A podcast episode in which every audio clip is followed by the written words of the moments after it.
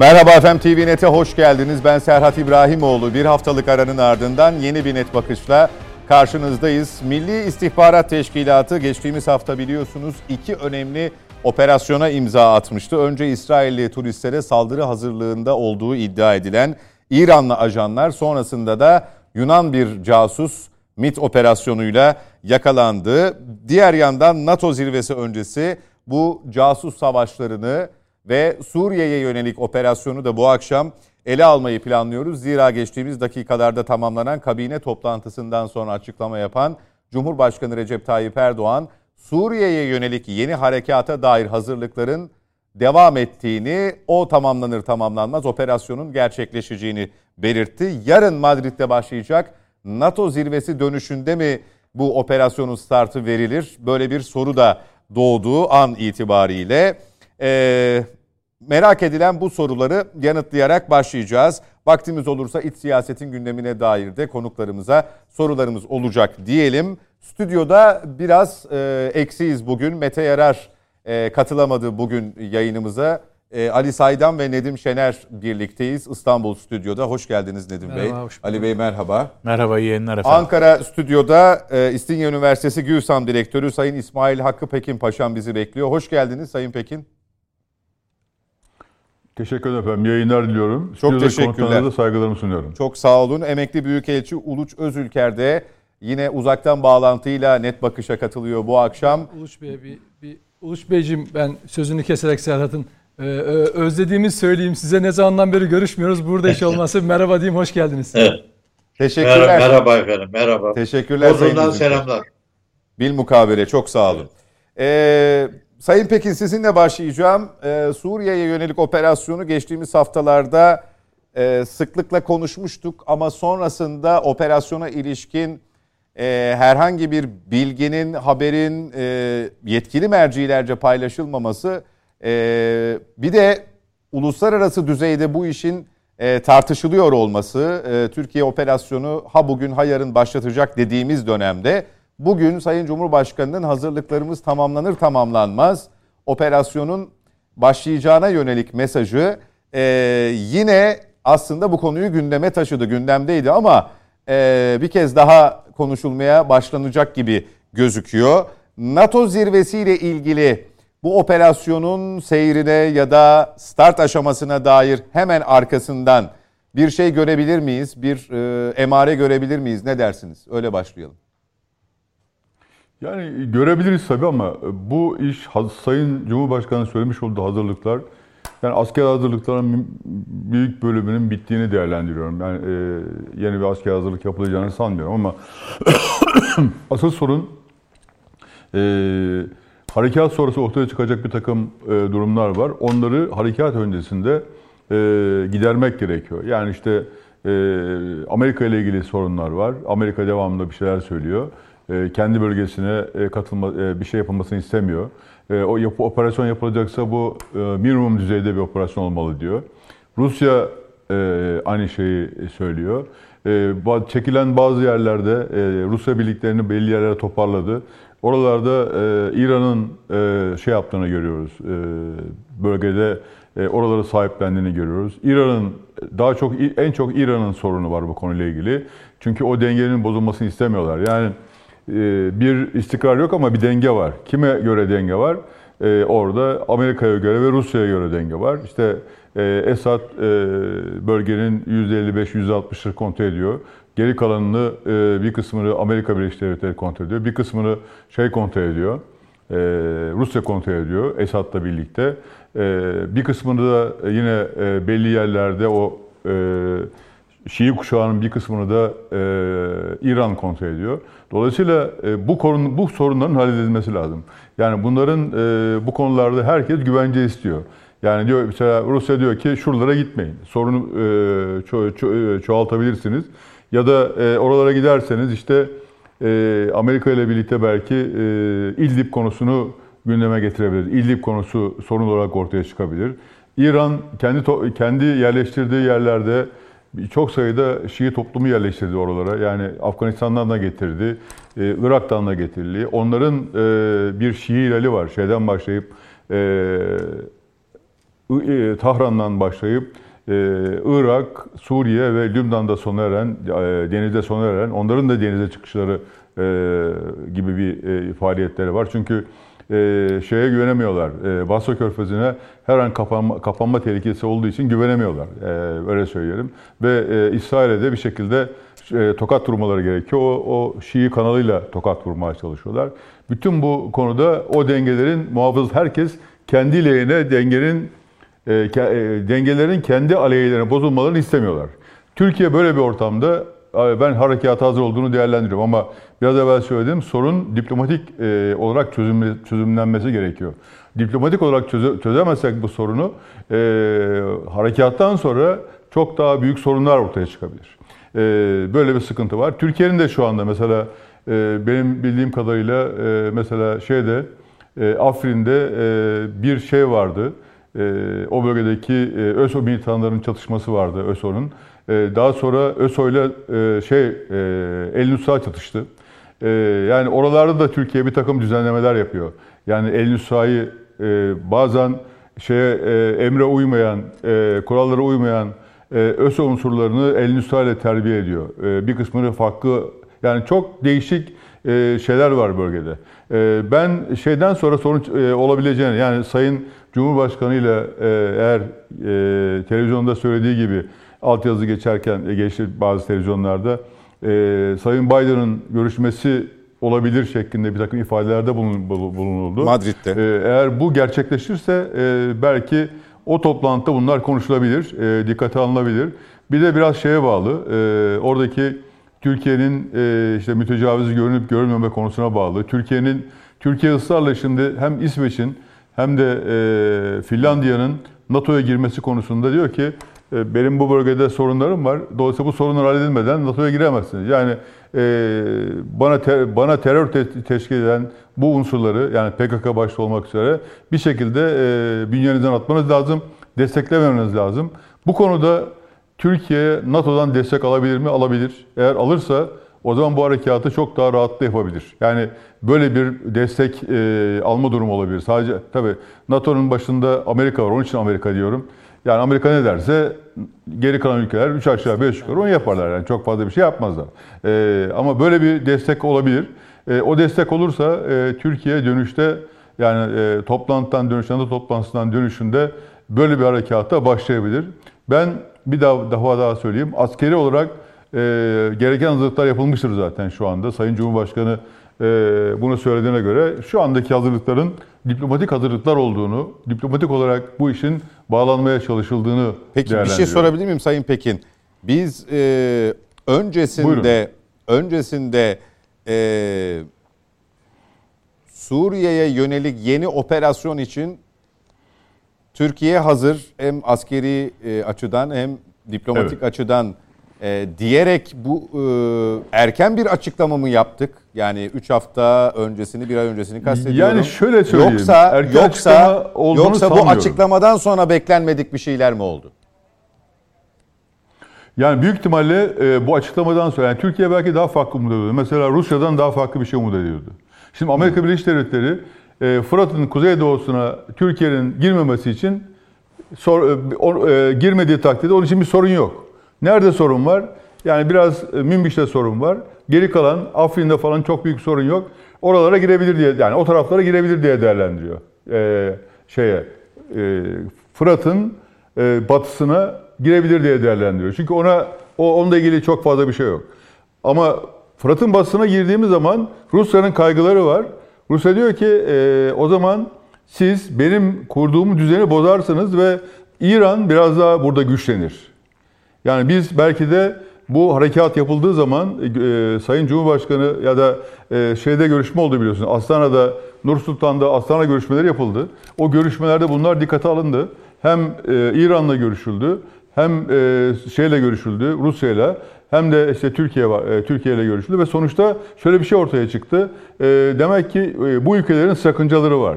Bunların bir takım kısıtlamaları var.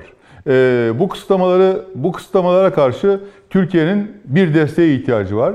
Bu destek e, belki şeyden gelmemiş olabilir. E, Rusya'dan gelmemiş olabilir ki gelmediğini değerlendiriyorum. Ama biz Daha ilk çok etapta, İran'dan gelmediğini ilk etapta hatırlıyorum İran- ben e, Sayın Lavrov'un e, Türkiye bölgedeki endişeleri konusunda gayet haklı. Siz de görmüştünüz hatırlayacaksınız o açıklamayı.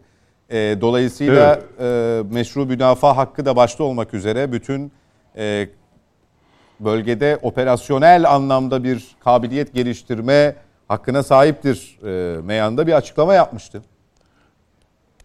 Yaptı. Sonra mı işler Ama değişti? sonradan değiştirdi.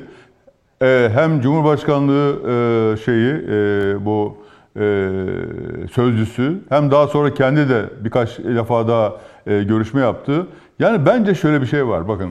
E, asıl sorun şu. e, İran'ın sorunu. E, şey bunu şunu görüyor. İran belli yerlere adam yerleştirmiş.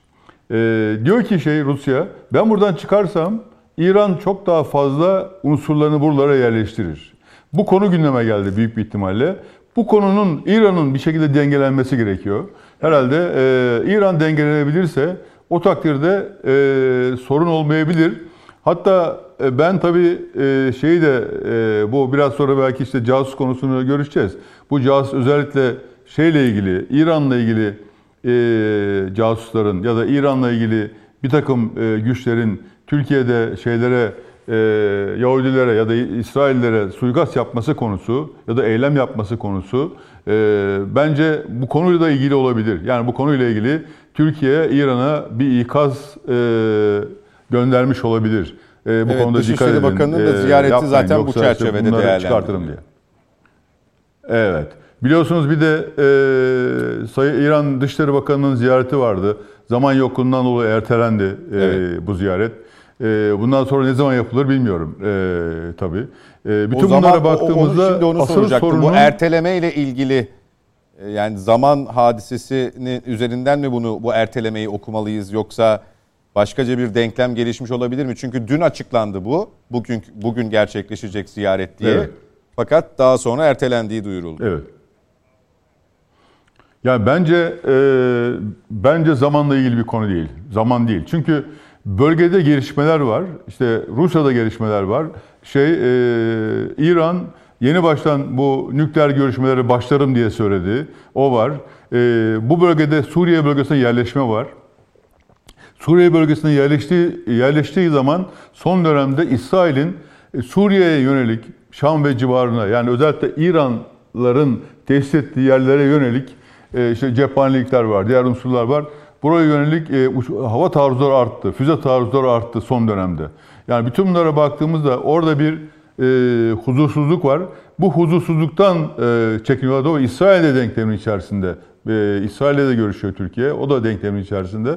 Dolayısıyla şeyden alınacak bir e, destek, NATO'dan alınacak bir destekle e, çok daha rahat bir harekat yapma imkanı. Yani rahat derken e, tabii ki e, rahattan kastım silahlı kuvvetleri kastetmiyorum. Silahlı kuvvetler gerekeni yapar ama sonuçta harekatın başında ve sonunda bittikten sonra e, ortaya e, çözmemiz gereken daha çetevi sorunlar çıkmaması için mutlaka diplomasinin devreye girmesi lazım ve diplomatik olarak bazı konuların halledilmesi lazım. Yani bazı bölgelere Türkiye'nin girmesi istenmeyebilir. Mesela bunlardan birisi barajların kontrol edildiği, suların kontrol edildiği e, şey bölgesi, e, ne diyelim, e, Münbiç bölgesi mesela. Yani Orası e, kritik bir bölge. Mesela Haseke bölgesi. Haseke bölgesinde e, Kürtler var. Mesela şey bölgesi yukarıda e, yine e, Tel Abyad, e? Aynı Arap bölgesi, Kobani bölgesi. Mesela Amerikalılar falan bu konularda hassaslar. Yani bu, e, bu- bütün bu hedefler nerede olacak? Türkiye büyük ihtimalle bunu hesaplıyordur. Yani bu bu şey değil. Müsaade alma, izin alma şeklinde e, anlamayalım. Yani böyle bir harekatı e, biz harekata başlamadan evvel, askeri harekata başlamadan evvel bölgeyi istihbarat olarak hazırlarız. Ülkeler de o bölgeleri, savaş bölgelerini e, diplomatik olarak hazırlarlar. Yani kim size beraber olacak, kim size karşı olacak. Bu, bu hazırlığı yaparlar. Ondan sonra harekat başlatırsınız ve harekatın sonunda da birçok yerden e, olumlu not şey alırsınız. E, öbür türlü Peki. e, muharebe sahasını, savaş sahasını hazırlamadan, hazırlığını yapmadan harekata başlarsanız o zaman çok çetrefilli sorunlar ortaya çıkabilir. Yaptığınız harekattan çok daha e, kötü sonuçlar alabilirsin. Onun için Türkiye bu konuda e, çok daha dikkatli bir harekat yapıyor. Çünkü yapacağı harekat Amerika'ya, Rusya'ya, İran'a, İsrail'e, e, Suriye'ye e, bunların hepsine dokunuyor. Peki. Bunların hepsine dokunuyor ve Türkiye'nin yeni kurmakta olduğu bu şeye de e, ittifaklara da dokunuyor. Yani Birleşik Arap Emirlikleri ile e, şeyle Su, Su, Suudlarla Ürdün'le o onlarla kurduğu irtibatlara da e, dokunuyor. Onun için çok hassas davranması bundandır diye değerlendiriyorum Sayın Peki. Cumhurbaşkanı. Ee, Sayın Özülker, e, askeri hazırlık noktasında bir sıkıntının olmadığını söyledi Sayın Pekin. E, diplomasi kısmına ağırlık verdi. Oradaki bir takım dengeleri hatırlattı. Bu dengelerin e, sürekli değiştiğine dair de sahada bir hareketliliğe biz tanıklık ediyoruz. Çoğu zaman haberlere yansımıyor belki ama İran faktörü başta olmak üzere son e, bir hafta 10 gün içerisinde yaşananlar ki bu casus hadisesine de gireceğiz. E, nasıl e, bir değişiklik NATO zirvesi öncesi bizim bu operasyonu yapabilme azmi, azim ve kararlılığımız, kabiliyetimiz olmasına rağmen acaba sonraya taşınma, oradaki temaslardan sonra bu dengeler göz önüne alınarak e, harekata start verilmesi noktasında bir e, ne diyelim e, bir evrilme e, yaşandı ya da yaşanabilir mi? Efendim, e, evvela bir kere e, NATO e, zirvesine giderken Cumhurbaşkanı böyle bir harekat yapmak e, paşamın da biraz evvel söyledikleriyle birlikte mütalaa ettiğimiz zaman fevkalade yanlış olur.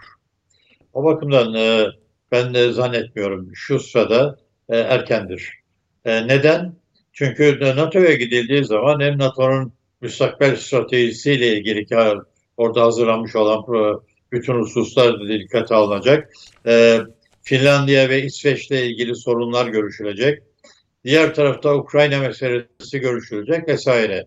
Türkiye'yi çok yakından ilgilendiren pek çok konunun ve bu arada Türkiye'nin menfaatlerini halelde edebilecek pek çok konunun e, orada ele alınıp buradan pozitif bir sonuç, müsbet bir sonuç çıkarmak için mücadeleye girilecek bir ortam. Dolayısıyla Türkiye e, oradaki muhataplarına her halükarda kendini çok daha iyi anlatabilmek ve bu arada tıpkı Finlandiya ve e, İsveç konusunda da olduğu gibi bıçağın kemiğe dayandığını ve artık geriye adım atılabilecek bir konumda bulunulmadığını ikna etmeye yönelik olarak bir takım herhalde görüşmelerde yapacaktır diye ben şahsen beklemekteyim. E, dolayısıyla e, NATO zirvesi arifesinde yaptığınız zaman bu adeta bir meydan okuma ve siyaset yönünden veya diplomasi yönünden de bakıldığı zaman hata olur. Bu nedenle ben e, meselenin herhalde daha sonra ertelenerek e, şu sırada sonuna kadar her şeyi zorladık. Ama gördüğünüz gibi deyip o gördüğümüz şeyin de aslında Türkiye'nin çok haklı beklenti ve hukuki açıdan da e, kendine dönük olarak e, e, olması gerekenleri elde edememiş olmasının karşılığında bu işi yapmakta olduğuna dair bir adım atmakta olabileceğini düşünürüm. Dolayısıyla ben de meseleyi e, biraz daha da zannediyorum ve bekleyeceğiz gibi gelmekte. Şimdi ikinci söyleyecek söyleyeceğim husus şudur. Paşam tabiatıyla gayet güzel e, meseleyi özetledi çok yönlü olarak. Baba bu çok yönlülüğün esas temel ögesi burada birden fazla sorunun ve aynı zamanda elin mevcudiyetidir. Yani başka bir deyişle burada karşınızda eğer bir düşmanlıktan bahsedilecekse mücadeleye girebileceğiniz bir düşmanlıktan bunun bir değil birden fazla olduğunu çok net bir biçimde ve güzel bir biçimde ortaya koydu. Ve bunların da aslında kendi işlerinde de başka yönlerden de çok ciddi sorunları var ve dolayısıyla kendi aralarında da bir mutabakat sağlayabilme imkan ve ihtimalleri doğrusu çok e, ümit var bir e, ümit var olunabilecek bir noktada bulunmuyor.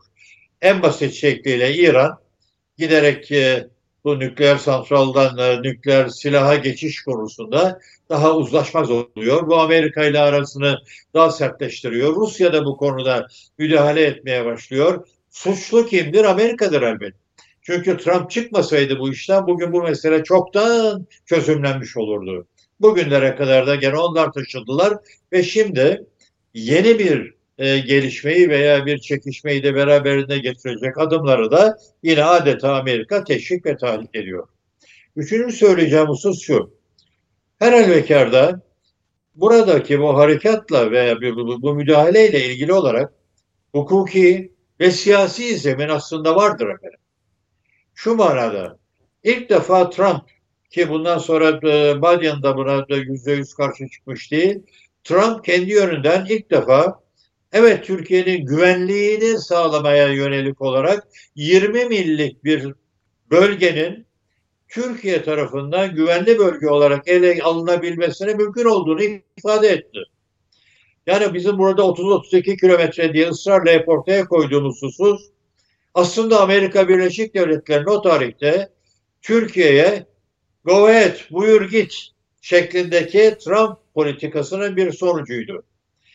Bunun akabinde bir anlaşmaya da varıldı. Münbiş'ten de aynı şekilde çekileceklerdi. Diğer taraftan Fırat'ın doğusundan da çekileceklerdi. Burada bir devriye görevi üstlenilecekti. Amerika ilk fresini aslında Münbiş'te vermiştir. Bunu ondan sonra da diğer bölgeye de insan edecek şekilde geliştirmiştir. Münbiş'te herkes çekilecek Türk ordusu girecekti. Amerika buna riayet etmedi. Buna karşılık Ruslara bıraktı oradaki bütün şeyi, e, yetkiyi. Diğer taraftan devriyeler konusuna geldiği zaman hayır siz de de Türkiye olarak devriyeyi burada yapamazsınız. Kim yapacak? Esas itibariyle Rusya yapacak. Siz de Rusya ile birlikte buralarda güvenceyi sağlayacaksınız.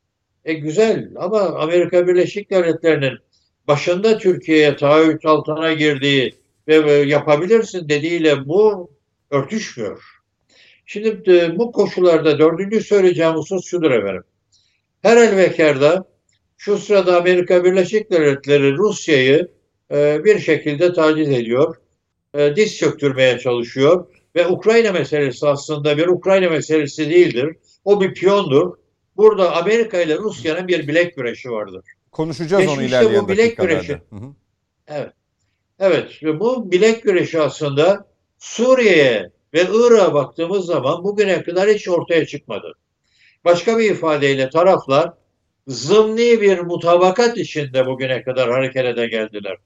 Dikkat buyurun. Amerikalılar bir kere bombardımana e, yöneldi. O da Wagner güçlerinin deri zora doğru hareketlendiği dönemdir. Onun ötesinde taraflar birbirlerinin ayağına basmamak için bu bölgelerde çok dikkatliydiler. Ama bugün Rusya Amerika ilişkilerinin gelmiş olduğu noktada herhalde bu bağlamda ve kapsamda düşünmek e, bence çok doğru olmaz. Dolayısıyla meseleyi Rusya nerede veya Amerika ne yaptı? Bunların ötesinde Türkiye'nin ihtiyaçları ve bıçağın kemiğe dayanmış olması noktasından hareketle Türkiye için başında kabul edilmiş meşru sınırlar içinde bir harekat şeklinde değerlendirmek daha doğru olur diye bakmaktayım. Peki. Yani başka bir ifadeyle eğer herkesi tatmin, diplomatik açıdan tatmin, tatmin etmeye kalkarsak benim şahsi kanaatim mümkün değildir. Bir kere her şeyden evvel Biden görüşebilir şeklinde bir açıklama yapıldı. Sullivan'ın açıklaması bu. Orada görüşebilirler Madrid'de. Yani bir taahhüt altına gene girmiyor. Aslında Türkiye'nin bu hazırlığı da dahil olmak üzere Amerika ile şu sırada var olan sorunlarına baktığımız zaman tarafların görüşmüş olmaları fevkalade önemlidir. Ama bu konuda dahi bir taahhüde girilmiyor. O zaman Türkiye'nin kendi göbeğinin kendi kesmesi gibi bir noktaya gelmesi kuvvetle muhtemeldir efendim. Şimdi burada e, diğer söyleyeceğim bir husus şudur. Çok kısa ee, Burada iki şey var. Ee, biliyorsunuz e, biraz evvel paşam söyledi. E, Aynel Arap vesaire falan bütün bunlara baktığınızda orada e, sadece bir baraj sorunu yok. Bir de havaalanı sorunu var. Yani başka bir ifadeyle e, bu havaalanı da bizim 20 millik e, öngörülmüş olan veya e, o dönemde de verilmiş olan e, taahhüdün altına da e, gir, girmiyor. Yani başka bir deyişle Türkiye buraya girdiği zaman hem barajın bir bölümünü hem de aynı zamanda e, bu havaalanını da e, kontrol altına almış olacak. Bu da tabiatıyla e, bir sıkıntı yaratan e, husus olaraktan ortaya çıkacaktır diye görmek gerekir. Son e, mesele de burada şudur. Evet, e, gerekçeleri tamamlamak babında Esad da burada biliyorsunuz karşı çıktı. Yani başka bir deyişle e, buraya yapılacak olan bir müdahalenin sonuç itibariyle Esad kendine veya Suriye devletine yapılmış olacağı hususunda da e, uyarıda bulundu. Ve bu uyarıyı da ben şahsen tek başına yapmış olabileceğini düşünmem. Başka bir deyişle Putin'in de burada mutlak şekilde e, dolaylı biçimde belki e, Türkiye'yi bir ikazı şeklinde de düşünmek mümkün olabilir diye şahsen düşünmekteyim. Şimdi bütün bunların sonucu olarak e, çok özetle ne yapılabilir konusuna e, girdiğimde benim şahsi düşüncem şöyle ortaya çıkar. Bir, her elbekarda Türkiye bir e, açıklama yapmış. Hani biraz evvel de sorunuz da çok haklı bir soruydu. 15 gün evvelden açıklamak yerine e, bir e, baskın harekatı şeklinde yapılmış olsaydı bütün bu sıkıntılarda olmadan yani bir takım şeyler araştırılmadan da belki zaten var olan bir hukuki ve e, meşru bir zemini kullanarak geldim. Yetti artık. Bu kadar da şehidim başladı falan diyerek belki daha mı kolay atlatılabilirdi? Bu tabii düşünülebilir. Ama her elbekarda Türkiye bugün bakın ben yine büyük bir sabırla paşamın da ifade ettiği hususa burada katılıyorum. Ee, ben şu ana kadar 15 gün evvelinden bu yana sabırla bu meseleyi e, hukuk ve aynı zamanda barış düzeni içinde anlayışı içinde çözebilmek için uğraşmaktayım. Ama ne yazık ki karşımda dosya bir müttefik anlayışıyla bir karşılık bulamadım. Hatta o kadar ki NATO'dan da büyük bir ihtimalle böyle bir dayanışma beklemek mümkün olamayacağına göre NATO'nun da bu kapsam içinde Türkiye'nin yanında yer almamakla hatalı olduğunu da ortaya koyabilecek bir e, e, argümanla bir gerekçeyle ortaya çıkmak suretiyle reysen yapma noktasına gelebileceğini düşünmek gerekiyor. Teşekkür Bunu ediyorum yaparken de Tamamlayın son, son lütfen diğer söylüyorum. konuklarıma geçmek durumunda. Evet, son söyleyeceğim de şudur efendim. Mesele sadece Münbiş'ten ibaret değil tabiatıyla. Belki burada bir bölgeyi e, güvenli, güvenlik bu arada boş kalan bölgeyi Kobani vesaire buraya girip yerleşmek diğer bölge içinde Rusya ile yapılmakta olan devriyeyi belki Türkiye'nin çok daha etkili olabileceği bir noktaya Lehine bir taşımak başka şeklinde deyişle. bir politikaya yönelmeyi düşünmek de doğru olabilir. Böylece ne şiş yanar ne kebap bir orta yolda ama Türkiye gerekçeleriyle ve haklılığıyla bu meseleyi bir noktaya taşır diye ben şahsen düşünmekteyim. Ali, Geri adım atarsa yazık olur efendim. Ali Bey e, bu e, konuklarımızın söylediği Sayın Özülker'in özellikle ifade ettiği kısmı size sormak istiyorum. Bu zımnilik e, yani sahada durumun farklı olması, resmiyette öyle olmadığının tezahürü. E, fakat iletişim noktasında da e, diplomatik il, ilişki, e, siz dersiniz ya iletişim başka, ilişki başka diye her fırsatta. Mesela ben şimdi yarınki NATO zirvesini hayal ediyorum. Bana bundan 3-5 yıl önceki bir zirveden örnek ya da perde arkasına dair bir takım mesajların saha yansımalarının nasıl olacağını söyleseniz çok daha üzerinde bir çalışma yapılması, işte bu konudaki uzmanlardan fikir alınması, görüş alışverişi, ya bir süzgeç ihtiyacı hissederdim. Nedense yarın ya da öbür gün e, böyle kim kime dumduma hani herkes birbirini sıkıştırma tamam işte uluslararası ilişkiler dostluk yoktur, çıkarlar vardır, âli menfaatler söz konusudur ama bu zirvelerde de sanki şimdi eski tat demeyeyim ama o eski resmiyet ve diplomasi yok. Çok farklı bir e, ne diyelim dünya düzeninde sisteminde bir liderler buluşmasına tanıklık ediyoruz. E, son 3-5 uluslararası toplantı da buna dahil. Sebebi ne bunun? Ya çok yerinde bir tespit. Yani bu e, programın koordinatörü olduğunuz için zat Estağfurullah. halinize getirilen bir övgü değil. Ya Hakikaten çok sanki bana programdaki yerinizi sağlamlaştırmak için Sağlamlaştırmak, yaptığınız bir evet. iltifat gibi geldi oysa. e, hem de işte Temmuz geldi maaşımı da artırmak e, bakımından e, önem, Ama onu haftayı bekleyeceksiniz Cumhurbaşkanı çıkacak. tespitinizin son derece önemli olduğunu ifade edeyim. Ben sadece Şundan- koordinatörüm ama bir de genel olan var. Genel var değil mi? O yukarıda. Ee, genel koordinatör evet. Efendim e, tespitiniz şundan dolayı doğru. Türkiye dış politika konusunda artık karnından konuşmuyor.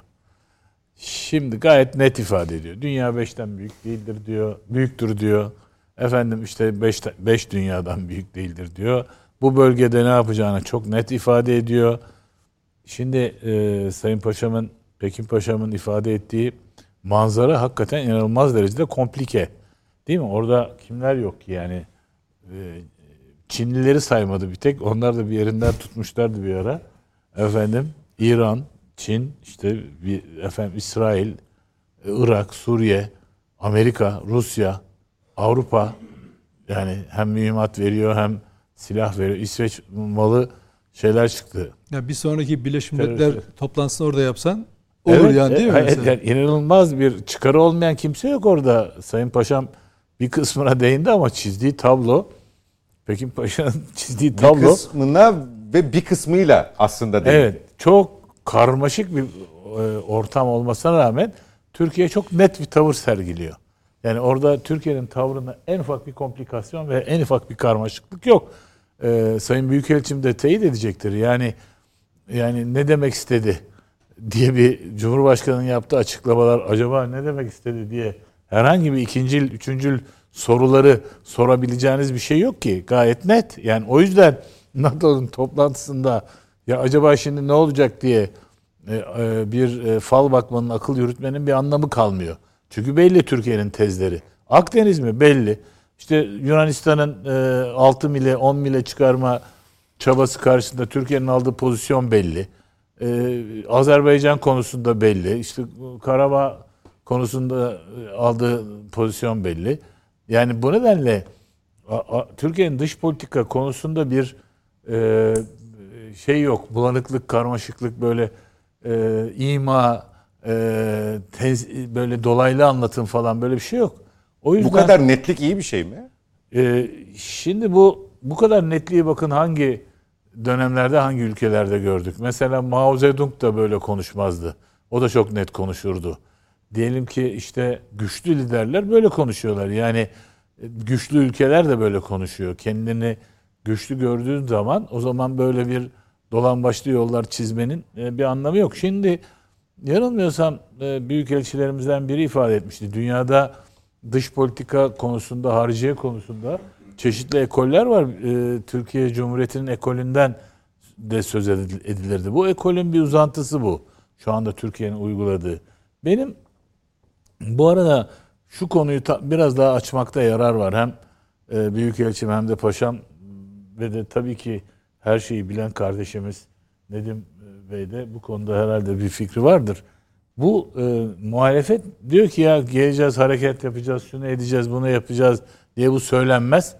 E, birdenbire harekat ani bir şekilde e, baskın halinde yapılır. Esas olarak e, Pekin e, Paşa'ma sormak istiyorum. Yani şu ana kadar benim gözlemlediğim mesleki olarak Milli Savunma Bakanlığı olağanüstü başarılı bir iletişim e, strateji ve taktikleri uyguluyor. Şimdi bakın bu hem bu PKK'nın üst düzeydeki yöneticilerin- Saydam. Efendim. Ee, şöyle zaten orada yeteri kadar gücümüz var. Yeteri kadar hazırlık yapılmış. Türkiye'nin ne yapacağı belli. Diğer ülkelerin oraya güç ve kuvvet kaydırmaları çok zor. Türkiye açık ve net olarak bunu söylüyor. Bravo. Yani Cumhurbaşkanı yani e, farklı bir şey de söylese, baskın da yapsak fark etmiyor bir şeycik. Onların hiçbirisi oraya kuvvet getiremez.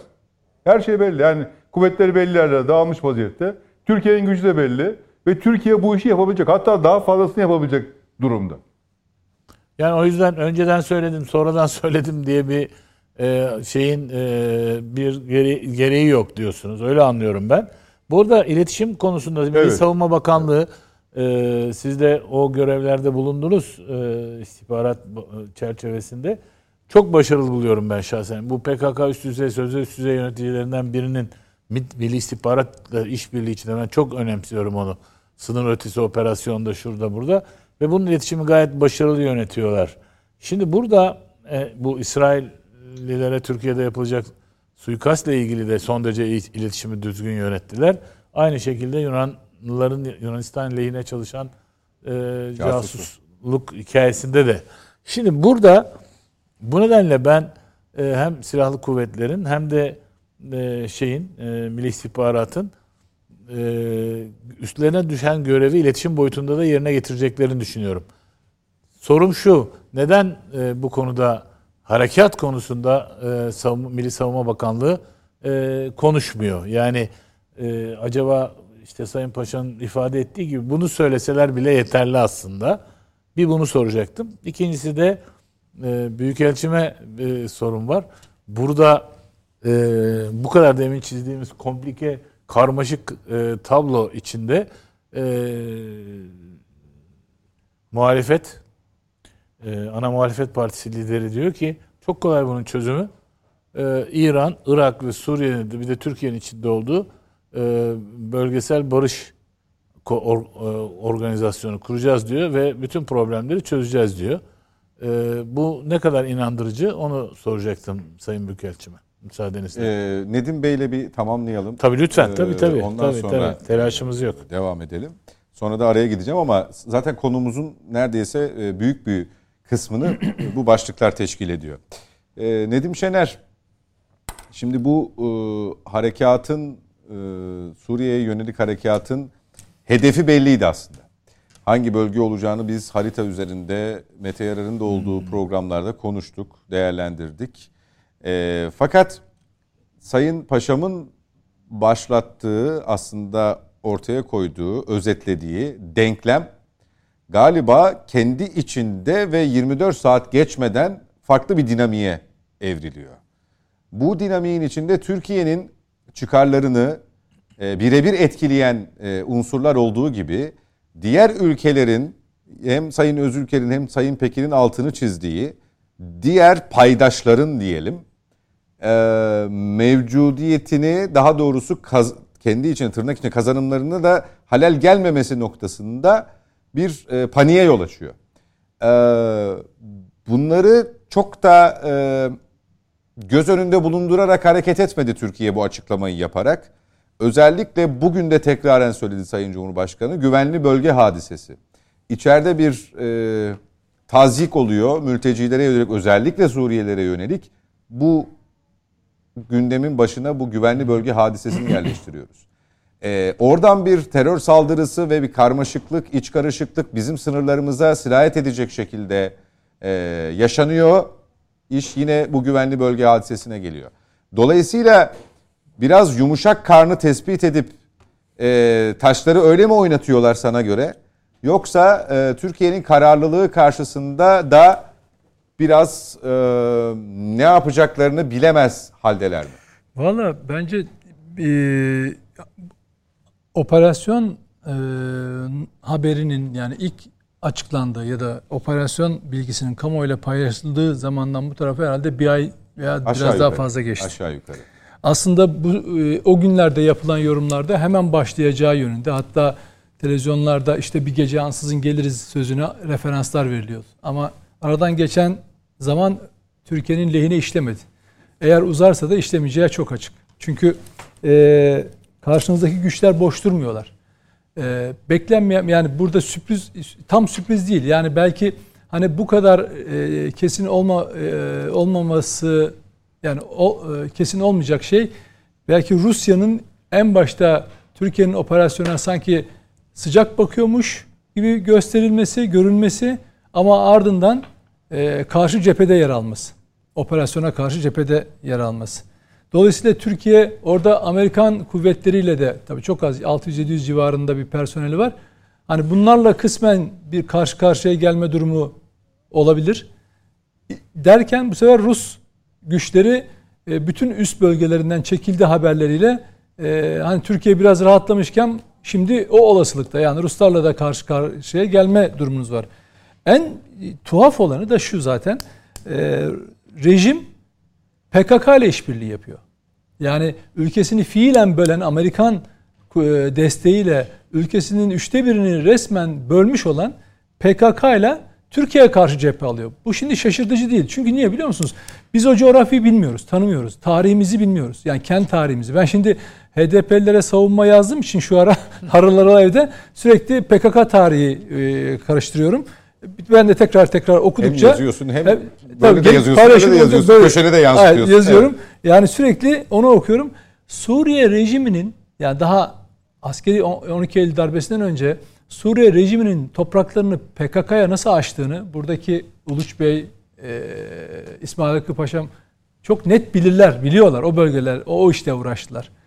E, Avrupa'nın e, o tarihlerde PKK'ya nasıl kucak açtığını biliyoruz. Ve uzun yıllar şeyini e, Öcalan yakalanana kadar da Suriye toprakları oraya şey oldu. E, PKK'ya ev sahipliği yaptı. Ve bugün PYD dediğimiz güçlerin o PKK orijinli e, grupların oluşması o zamandır. Baba Esad zamanındandır. Şimdi biz tabi şöyle bir duruma geldik. AKP iktidarı döneminde Esad rejimiyle dostluk ilişkileri çok gelişti. İşte karşılıklı bakanlar kurulu toplantıları, ziyaretler, vizesiz falan geçişler falan derken bir iç savaş karşımıza çıktı. Biz tabi o kirli dönemi unuttuk. Suriye'nin aslında bir devlet falan yani bir devlet formatı taşımadığını unuttuk aslında. Nasıl unuttuk? Mesela o da Öyle yani bir geleneğinin de olmadı. Şöyle şöyle 80'leri Ben mesela hatta o tarihlerde karşılıklı ziyaretler yapılırken Suriye rejiminin mesela oradaki Kürtlere kimlik vermediğini biz hiç okumadık gazetelerde. Bilmiyorduk çünkü. Ya biz bilmiyorduk, gazetelerde de okumadık. Oradan da yazılmadı. Orada insan yerine konmuyordu değil mi? İki işkence şeyde hapishanelerinde yani Türkiye orada dostluk yapacağım derken, ticaret yapacağım derken değil mi? Meğer işke, e, şeylerde e, hapishanelerinde işkence işkencehanelerinde on binlerce insanı katletmişler. Sonra görüntüleri ortaya çıktı Esad rejiminin. Karşımızda bir devlet falan yok. Yani bildiğimiz anlamda böyle tamam Birleşmiş Milletler tanıyor falan ama karşımızda öyle bir devlet yok. Bir aile var. Esad diye bir adam var. Onun çevresinde bir ailesi var. Ee, büyük patron olarak Rusya'nın korumasını almış. İran'ın korumasını almış. Onunla ayakta duruyor. Mesela Esad'dan sonra geleceği olmayan bir ülke diye düşün orayı sen. Yani Suriye dediğin zaman ben şimdi öyle okudukça, gördükçe bunu görüyorum. O yüzden olabildiği kadar Suriye rejimi yani Esad ayakta kalmak için düşmanıyla bile kendi ülkesini işgal eden teröristlerle bile şey yapıyor, işbirliği yapıyor. Şimdi peki yani diyeceksiniz ki PKK'ya kucak açmış, YPG'yi e, YPG'yle işbirliği yapıyor. Bunlar terörist dediğin nereden çıkarıyorsunuz? Türkiye ile e, imzaladığı Adana mutabakatı var. Terör e, PKK'ya yer açmayacağına e, ve ona karşı mücadele edeceğine dair şey var. Mutabakatta şey var, bir e, imzası Madde var. var imza Madde var. var. Hatta bu Rusya ile yapılan mutabakatta da referans verildi. Yani oraya atıfta bulunuldu. Atıfta bulunuldu. Dendi ki Adana mutabakatı canlandırılacak dendi. Hmm. Şimdi bizim diplomatik olarak bunları gündeme getirip kardeşim sen Esad rejimi bütün kamyonlar, mamyonlar, askerleri yığmaya başladın şey tarafına. Yukarıya, kuzeye doğru getirmeye başladın. Bayrağını çekiyorlar. Yönetimin bayrağını çekiyorlar PKK'lılar. Hani sen bunlarla mücadele edecektin? Hani sen meşruydun? Değil mi? Kendini öyle tanımlıyordun. E teröristle işbirliği yapıyorsun. Zaten yapıyordun da şimdi de yapıyorsun. Dolayısıyla şimdi Türkiye'nin karşısında burada e, değerli İsmail Bey ve Uluç Bey de söyledi. E, Türkiye'deki iletişimden sorumlu Ali Bey de onu tasdik etti. Ondan sonra karşımızda PKK, YPG'ye karşı biz mücadele edecekken yanında da Amerika varken şimdi Rusya, Suriye rejimi, İran gibi şey var, güçler var. Ve kötüsü şu zaman geçtikçe bunlar orada çok daha güçlü yapılanıyorlar. Evet Türkiye orada e, Suriye Milli Ordusu diye yerel güçlerden oluşmuş bir askeri birlikleri var. Onları eğitiyor. Ama karşı taraf bazı üstünlükleri var. Mesela hava sahasını kullanamazsanız askerlerini dinlediğiniz zaman hava sahasını kullanamazsanız bu operasyonları yapmada yani her alan için söylemiyorum ama bazı operasyonlarda hava sahasını kullanamazsanız etkinlik sağlayamıyorsunuz. Dolayısıyla karşısındaki güç daha çok yapılanıyor. Biz Rusya Rusya işte Suriye'yi dedi ki Amerika Suriye'yi bölmek istiyor. Türkiye'nin böyle bir operasyon hakkı var falan derken Lavrov açıklama yapıyor. Aynı akşam biz e, Mazlum Kobani Kod adlı Şahin Cilo'yu Rus televizyonunda kendi tezlerini anlatırken görüyoruz. O akşamda değil mi? O Biz akşam. burada konuştuk Tabii onu. tabii o akşam televizyon, Gece yarısı. televizyon evet. onu anlatıyor. Yani dolayısıyla biz Türkiye bu konuda belki de hiç olmadığı kadar yalnız ilk defa bu kadar. Çünkü e, Türkiye artık final vuruşunu yapacak burada. Yani o 30 kilometrelik hattı e, e, e, sınırı boyunca kapatabilirse terör örgütüne gerçekten ulusal güvenliğine dair şey yapacak ve o zaman bütün güçlerle çok daha farklı boyutta konuşacak. Yani hani bölgesel güç dediğin noktayı artık orada teyit etmiş olacak Türkiye. Şimdi buna izin vermiyorlar. Amerika kenardan mesela Amerika farkındaysanız geçenlerde birkaç gün önce Hazine Bakan Yardımcısı geldi Türkiye'ye. Ve ne dedi? Bakın Türkiye dedi e, uluslararası kara para aklamanın e, efendim merkezi Merkez. olmaması konusunda uyaracağız falan filan. İkincisi ne? Rusya'ya yaptırımlar konusunda Türkiye'yi bu konuda dikkat çekeceğiz yani görüşeceğiz. Yani ne demek istiyor? Artık tarafsız kalamazsın diyor. Diplomasi öyle oynanıyor. Şimdi Amerika'nın elinde sadece işte bize yönelmiş Yunanistan'dan üstlerden yönelmiş füzeler, efendim e, şeye sınırımıza kadar gelmiş 30 kilometre uzaktaki tankları yok ki. Yaptırım diye bir silah var. Hiç kendi keyfine göre uygulayabileceği diyor ki Türkiye sen de artık diyor Rusya'da yaptırımların etkili uygulanması konusunda rolünü oyna diyor. Yani artık öyle ticaret yapacağım. Oradan sana sermaye akışı olacak. Orada petrol parasının akışına aracılık yapacaksın. Bunları yapma diyor. Çünkü Rusya, Rusya'yı ben bütün e, finansal olarak dar bağa sokmak istiyorum. Yaptırımlar onu boğmak istiyorum. Ama sen ona nefes borusu oluyorsun diyor. Şimdi bu niye böyle oluyor? Yani bunu tam bu aşamada niye yapıyor? Çünkü Türkiye bir Amerika'nın isteği dışında onun amacına aykırı e, şeyin İsveç'in ve Finlandiya'nın NATO üyeliğine şey diyor, çekince koyuyor. Tamam mı? İki, tam o sırada da bu konjonktürü Rus-Ukrayna savaşı meselesi tam uluslararası konjonktürde kendisi için Suriye yapılacak operasyon için iyi bir zaman olarak görüyor Türkiye. Ama Amerika diyor ki bak hiçbir şey yapmasına gerek yok. Geliyor tehdit ediyor Hazine Bakan Yardımcısı. Diyor ki uluslararası e, finans konusunda şeffaflığa önem vermeniz. Yani adam şunu yapabilir. Türk bankalarına da baya baya yaptırım uygulayabilir. Var mı bunun garantisi yapmayacağına dair? Hem de hiçbir nedene gerek yok. Şüpheli buldum diyor ya. Adam sadece şüpheli buldum demesi yetiyor. Ya da e, e, Rusya'ya yaptırımlar konusunda sen deliyorsun. Oligarkların parasını buradan geçiriyormuşsun. Yatları Trump buradan geçiyormuş. oldu birkaç adım İşte zaten. Bunu dediği zaman, dediği zaman ne oluyor? Siz ne aslında neyle kar siz burada bir operasyon yapıyorsunuz ama size tepki öbür taraftan geliyor. Ama siz anlamıyorsunuz nedenini. O yüzden olaya bir bütünlüklü baktığınız zaman böyle operasyonlar Cumhurbaşkanı'nın ağzından söylendiğinde birkaç gün içinde o iş yapılır ve iş bitirilir. Uzattığınız zaman zaman aleyhinize işler. Bundan sonra da öyle olur. İsmail Bey'in söylediği belki NATO üyeleriyle anlaşarak falan. Zaten bizim izlenimimiz yanılıyor olabiliriz. İsmail Bey daha iyi biliyor. Bizim izlenimimiz zaten bu Bu operasyon üyelerle anlaşılmaması esası. Hayır NATO'ya NATO'ya karşı yapılan bir operasyon. Yani NATO Türkiye'nin ulusal bütünlüğü falan derdi olan bir şey değil, yapı değil. Hasbelkader diyelim onların gözünde hasbelkader Türkiye bir coğrafi olarak bir ulusal bütünlüğünü, e, ülke e, devlet olarak vasfını koruyor. Ama onlar için ileride bölünme bölünme ihtimali olmayan bir ülke değil. Çünkü PKK'ya bu kadar NATO güçleri destek veriyorken Türkiye tek başına toprak bütünlüğünü korumaya çalışıyor. NATO Genel Sekreteri her ağzını açtığında Yani şimdi ben bir tamamlayayım şöyle bir şey İsmail Bey. söyleyebilirim. Ben E, yarın e- gerçeği açıklanacak şey ama Ha, tamam. Şöyle data özür dilerim. genel- genel stratejik sekreter- konsept açıklanacak. Genel O Sekreter konsept içerisinde şey var. Ülkelerin ulusal bütünlüğü, ulusal bütünlüğün korunması var. Yeni konsepte. şey yani Türkiye Türkiye Ülkelerin içinde ulusal bütünlüğünün korunması. Valla Va- şöyle yani şöyle söyleyeyim. Ee, pe- NATO'da NATO'nun bünyesinde alınan kararda bir misyonu da neydi? Bu, bu e, beşinci maddedeki gibi üyelerin e, Herhangi savunma birine. şeyi. Evet. ikinci şeyi 2000'li yıllarda teröre karşı mücadele. Ve fakat biz Türkiye Cumhuriyeti hala bugün yaptığı operasyonlarda NATO ülkelerinin silahlarını operasyonlarda ele geçiriyoruz.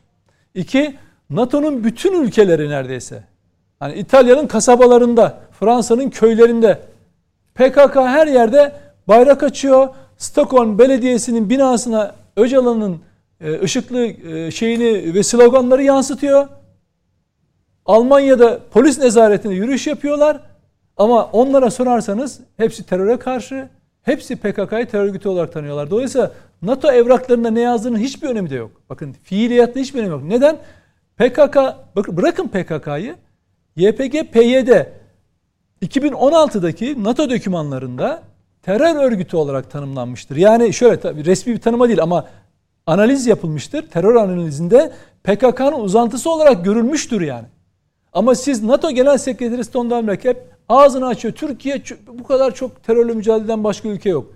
Hiç ağzından hiç ağzından PKK, YPG lafı çıktığını duydunuz mu? Hiç YPG'ye, PYD'ye terör örgütü dediğini duydunuz mu?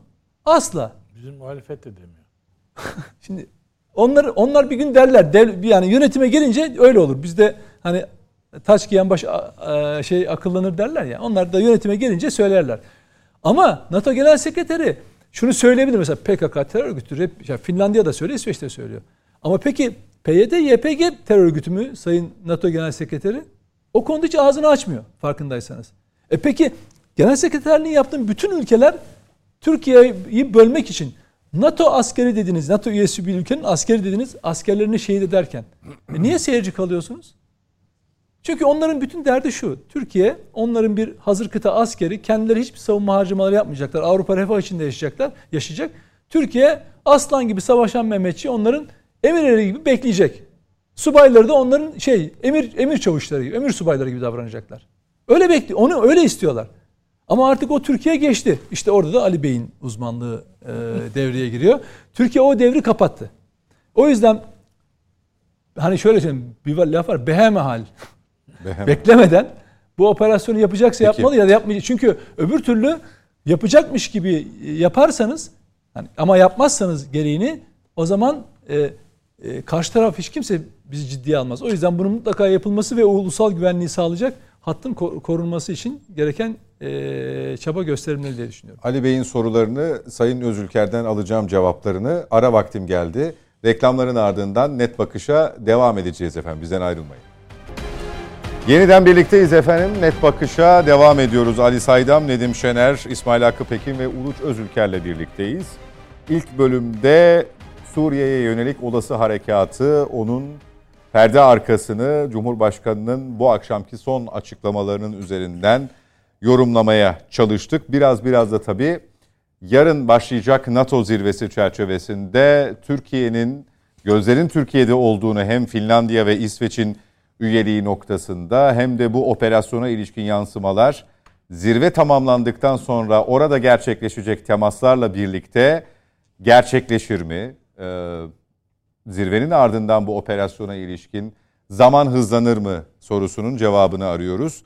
Ee, ilk bölümde Ali Saydam Sayın Uluç Özülker'e birkaç soru bu minvalde yöneltmişti. Ben e, o sorularla birlikte MIT'in bir parça değinildi ama Yunan casus operasyonuyla e, İsraillere saldırı hazırlığı planı yapan İranlı ajanların yakalanmasına ilişkin konuyla beraber sormuş olayım bütün bu soruları. Mesela bu ziyaret İran Dışişleri Bakanı'nın ziyaretinin planlamasında birinci maddede bu mu vardı size göre Sayın Özülker? Ee, ileri bir tarihe ertelenmesi noktasında e, ne yaşandı da böyle bir tehir gündeme geldi? Neler düşünüyorsunuz? Efendim öncelikle e, Sayın Saydam'ın soru, soru veya sorularıyla ilgili olarak çok satır başı halinde şunu söyleyebilirim. Türkiye Cumhuriyeti'nin e, elbette ki e, çok değişik sorunları var. Ama bu sorunların bir kısmı beka sorunudur aynı zamanda ve bunların da ulusal planda ele alınmış olması gerekir. Yani bir Ege sorunu dediğiniz, bir Kıbrıs sorunu dediğiniz, PKK sorunu dediğiniz zaman burada da herhalde oy veya şu veya bu şekilde iktidar muhalefet diye düşünmemek lazım. Bu Türkiye Cumhuriyeti'nin sorunudur ve dolayısıyla burada ortak bir paydada buluşularak gereği bu şekilde yapılmak mecburiyeti vardır. Şimdi dolayısıyla e, bu e, Suriye meselesi de bu kapsam içinde mütalaa edilmesi gereken noktada e, bir sorundur efendim. Başka bir ifadeyle Türk Silahlı Kuvvetleri meşru ve hak, hakkı, hakkaniyete uygun olarak burada bir müdahalede bulunacaktır. Verilen sözler tutulmamıştır. Ama bundan da daha önemlisi Türkiye'nin güvenliği de tehdit altındadır. Şimdi dolayısıyla e, burada şu veya bu şekilde bir geri adım atmaya e, yöneldiğiniz andan itibaren hem ciddiyetinizi hem de aynı zamanda buradaki imkan ve kabiliyetinizi yitirirsiniz. Dolayısıyla ya bu açıklama yapılmasaydı veya yapılmış olduğuna göre de bunun sonuna kadar gidilmesi gereğinden şu veya bu şekilde şüpheye düşülebilecek bir tutum alınmamalı. Dolayısıyla muhalefetin de sorunu bu manada düşünüp doğrudan doğruya Türkiye Cumhuriyeti'nin bir sorunudur diye bakarak bunun nasıl başarıya ulaşabileceğinin hesabı içinde hareket etmesini ben şahsen tercih ve temenni ederim. Bu arada çok önemsediğim bir husus da şudur. Aslında hiç kimse İsveç ve Finlandiya ile ilgili olarak Türkiye'nin bir açılım yapabileceğini ve böyle bir müdahaleyle işi durdurabilme noktasına gelebileceğini tahmin edemezdim. Yani bugüne kadar ki Türkiye'nin e, tutumuna da baktığımız zaman bunun bir sürpriz oluşturduğunu pek çok kişi için düşünüyorum. Ama bunun yaratmış olduğu çok net ve güzel bir sonuç da var. Türkiye'nin de artık bıçak kemiğe dayandığı cihetle kendisi içinde biraz evvel şu ana kadar konuşmakta olduğumuz durumda ne kadar büyük bir rahatsızlık içinde bulunduğunu karşı tarafa anlatabilme yönünde bir fırsat oluşturmuştur efendim.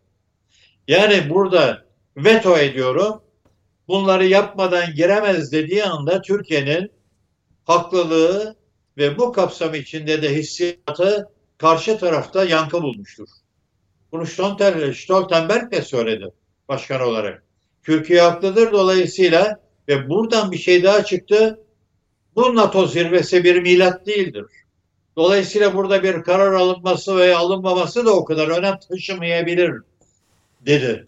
Bu arada İsveç yeni bir takım adımlar atıyorum. Dolayısıyla aman yanlışlık olmasın diye özür dilemeye hazır olduğunu ortaya koyan bir takım tutumlar içine de girebildi.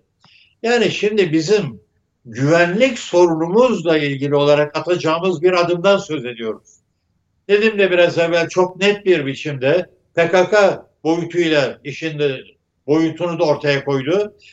Türkiye burada ızdırap çeken ve kendi yönünden de beka sorunu oluşturabilecek kadar önemli gelişmeler karşısında tepki gösteren taraftır.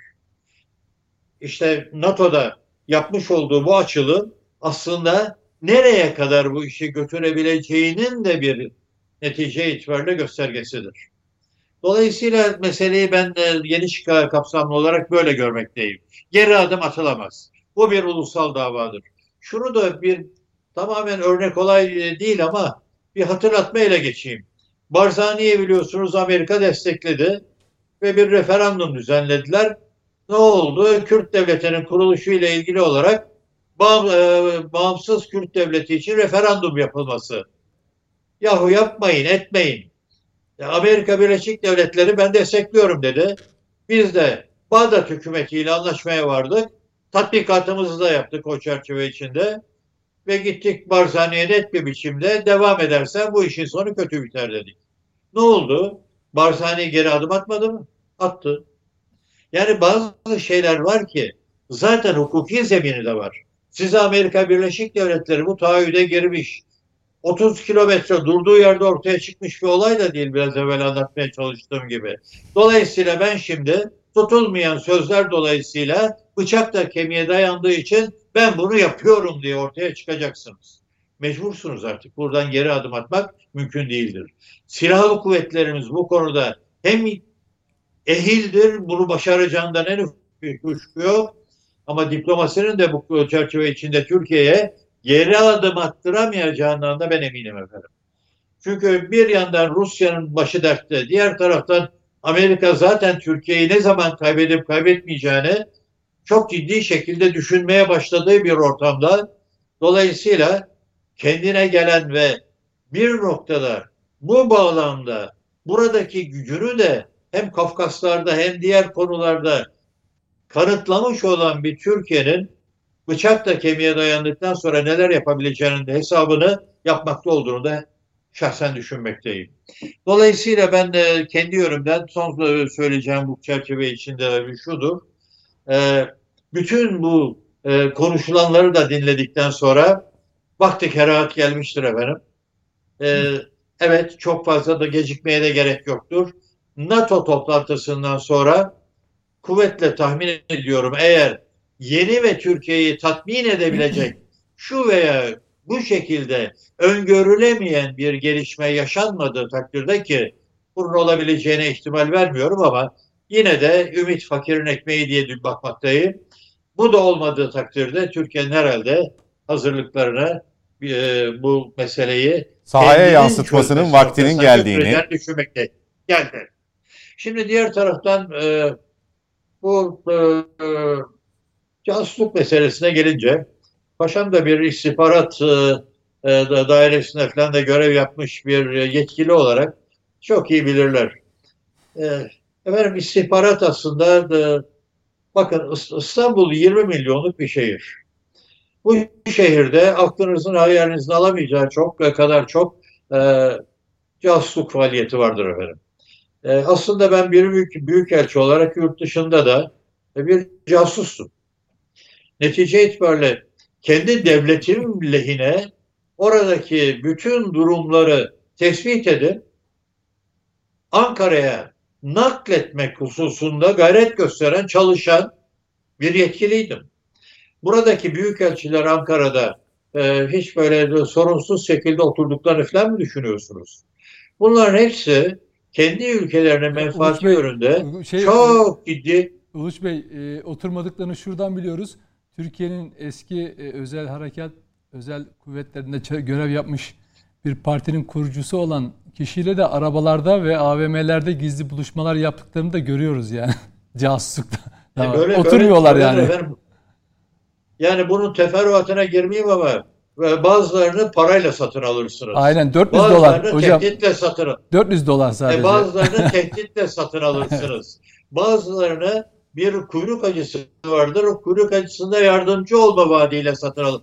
Yani satın alınmanın dünya kadar yolu vardır ve istihbarat dediğiniz şey de bu manada çok geçerlidir. Bakın bizim burada sadece sihalar ve tihalar değil, MIT'e bir operasyonel operasyon yapma yetkisi de devredildiği andan itibaren bu 2014'lere kadar bu yetki yoktu efendim. O, o tarihe kadar e, e, MIT e, e, kendi elemanlarıyla kendi başına e, bir işe girişemezdi ve netice itibariyle buradan da işte e, bilgi kaçaklarıyla vesaire biz oraya gittiğimiz zaman e, iş işten de geçmiş olurdu. Bugünkü koşullarda MIT e, ne kadar e, mesela Irak'ta falan baktığınızda, Suriye'de baktığınızda ne kadar başarılı operasyonlar yapabiliyor bunu da görmek lazım. Şimdi İran niye burada yapmaya çalışmıştır? Çok özetle satır başı halinde dört şey söyleyeceğim. Bir, Hümeyni iş başına geldikten sonra dış politikası ile ilgili olarak üç ilke ortaya koymuştur. Bu ilkenin birinci maddesi Amerika Birleşik Devletleri ve İsrail benim ezeli ve ebedi düşmanımdır. Nokta. Dolayısıyla İran'la İsrail arasındaki bu kavga e, aslında e, boyutu çok daha bayağı değişik e, yönlerden ele alınması gereken bir sorundur. Ama buna karşılık bugüne kadar İran İsrail ile ilgili olarak hiçbir başarı kazanamamıştır. Buna karşılık e, İsrail İran'da en son biliyorsunuz en önemli nükleer e, silahın yapılmasında başrolü oynayan kişiyi dahi otomatik silahlarla katledebilme noktasına kadar götürebildiler. İsrail'in icraatı var ama İran ona karşı yoktur. İki, her halükarda e, bu bir e, silah kullanarak, füzeler atarak, bir savaş çıkararak çözümlenebilecek bir olay olmadığını İran'da mükemmelen bilmektedir. Dolayısıyla bunu fırsat düştüğü ölçüde e, kendisi içinde bir propaganda oluşturacak biçimde e, bir suikastlar silsilesi halinde düşünmek cihetini e, çok ön planda tutar. Onun istihbarat teşkilatında da bu da önemlidir. Şimdi üçüncü husus şudur. Türkiye, dikkat buyurun, İsrail de dahil olmak üzere pek çok ülkeyle ilişkilerini e, düzeltmeye ve bu çerçeve içinde de e, sınırlarını çok net bir biçimde açmaya başlamıştır. Şimdi bu kapsam içinde Türkiye'ye son zamanlarda çok ciddi biçimde e, İsrailli turistler gelmeye başladı. Ve İstanbul gibi bir şehir 20 milyon burada cirit atıyor. E, ne, nice Çeçenler vurdu vesaire yani neler burası kontrolü çok zor pek çok şeyin. Dolayısıyla bu koşullar altında çok büyük bir ihtimalle kolaylıkla hedefe gidip ama bu hedef neticesinde de bir skandala sebebiyet vererek bir taşla birkaç kuş vurabileceğini düşünerek hareket eden bir İran'dan söz etmem mümkün. Şahsi kanaatim. Bir tanesi İsrail ile Türkiye arasında başlamış olan bu açılım hükümet de İsrail'de istifa ettikten sonra Herzog unutmayın ki Türkiye'yi teşekkür etti. E, bulduk bu, bu işi yaptınız diye. İsrail ile Türkiye'nin arasında bir nifak tohumunu yine ekebilmek onun yönünden herhalde önemliydi. İki, her halvekarda burada bu icraatı yapacak olan kişilerin e, kaçıp gitmeleri ve yakalanmamaları ihtimalinde güçlü olabileceğine dair herhalde bir kanaati vardı. Yani böylece bu yapılacak ama İran'ın yaptığı da çok net ortaya çıkmayacak ve bunu da İran'da kullanabilecek. Bunları hep düşünerek hareket etmiş olması kuvvetle muhtemeldir. Peki. Üçüncü husus her halvekarda burada hedef olarak seçilmiş olan İsraillilerin kimler olduğu ismen ve net olarak ortaya konulmadı. Ama herhalde bunlar önemli kişiler olmalılar ki derhal Türkiye'liyi terk etmeleri için ne gerekiyorsa yapılabildi. Dördüncü husus her halükarda Mossad'la bizim aramız aslında çok iyi değildir. Yani ama buna karşılık Mossad'la bizim yakın ilişkimiz de vardır efendim. Dolayısıyla Mossad yine burada bir istihbarat getirdiği zaman onların e, genellikle doğru çıkan bilgiler aktardıklarında göz önünde bulunurarak e, bizim teşkilatımızın da e, süratle sonuç alabilecek bir noktaya kendini götürdüğünü e, ben zannediyorum. Ki bütün bunların sonunda bir beşinci husus daha var benim şahsen düşündüğüm o da şudur. Bu son husus olur mu? Ee, e, son efendim zaten evet. beşinci son husus e, o da şudur. Her halvekarda e, bu e, son zamanlarda çok başarılıyız. Ama yüzde yüz her konuda da başarılı olamazsınız. Bunun içinde kaçaklar da elbette olabilecektir. Dolayısıyla meseleyi e, bu bağlamda bakarak çok büyütmemekte bazen e, daha doğru olur mu olmaz mı diye de kendimi sorgulamadan edemiyorum. Yunanlı'ya gelince e, Yunanlı da tabiatıyla Yunanistan da Türkiye'de aklınızın alamayacağı kadar özellikle Ege bölgesinde faaldir ve bu kapsam içinde de yaptıkları pek çok şeylerde çok yakinen bilinmektedir.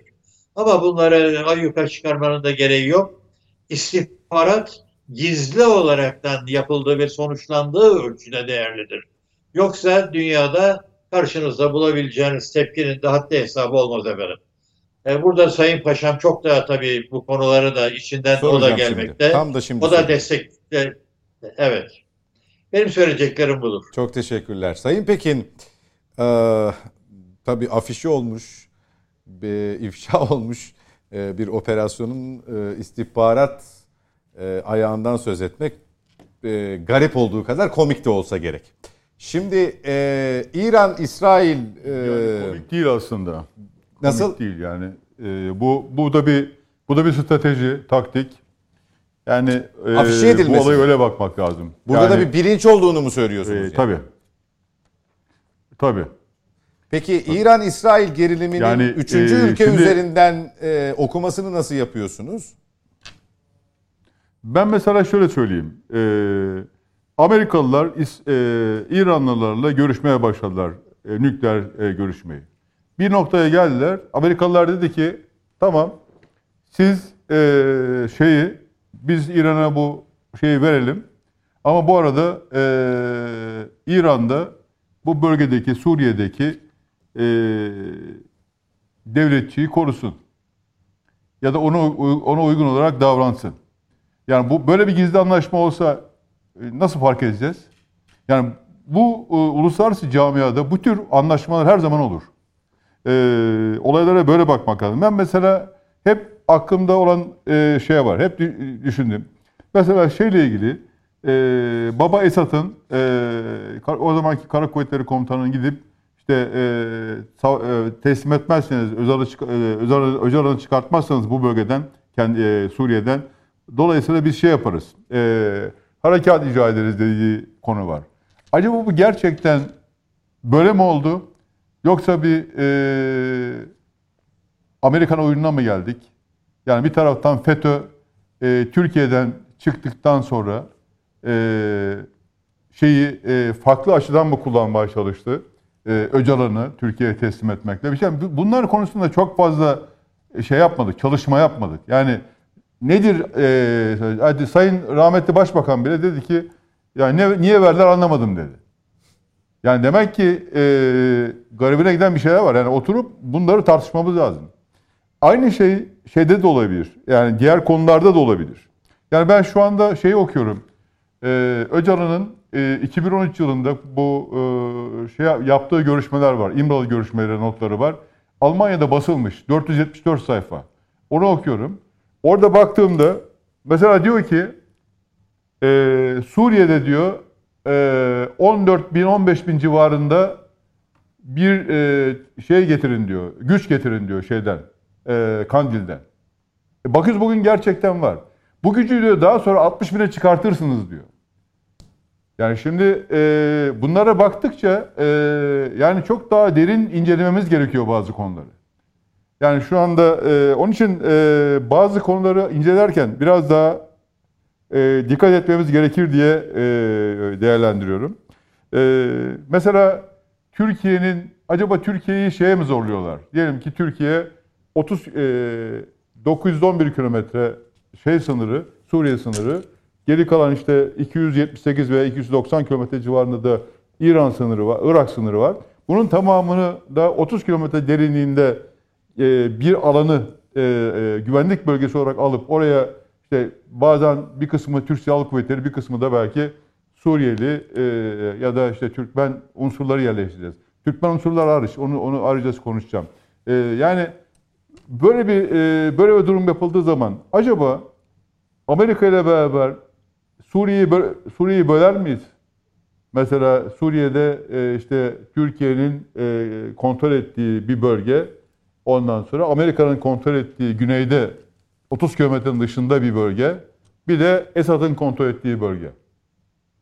Bir de şey var, İdlib bölgesi var Rusya. Yani böyle bir şey olabilir mi, olmaz mı? Yani bu, bunlara bakmamız lazım. Yani bunlar bunların hepsi e, önümüzde duran şeyler. Yani şimdi mesela diyoruz ki e, Suriye e, esas şey yardım etti. Evet yardım etti. Hatta şöyle bir şey yaptı.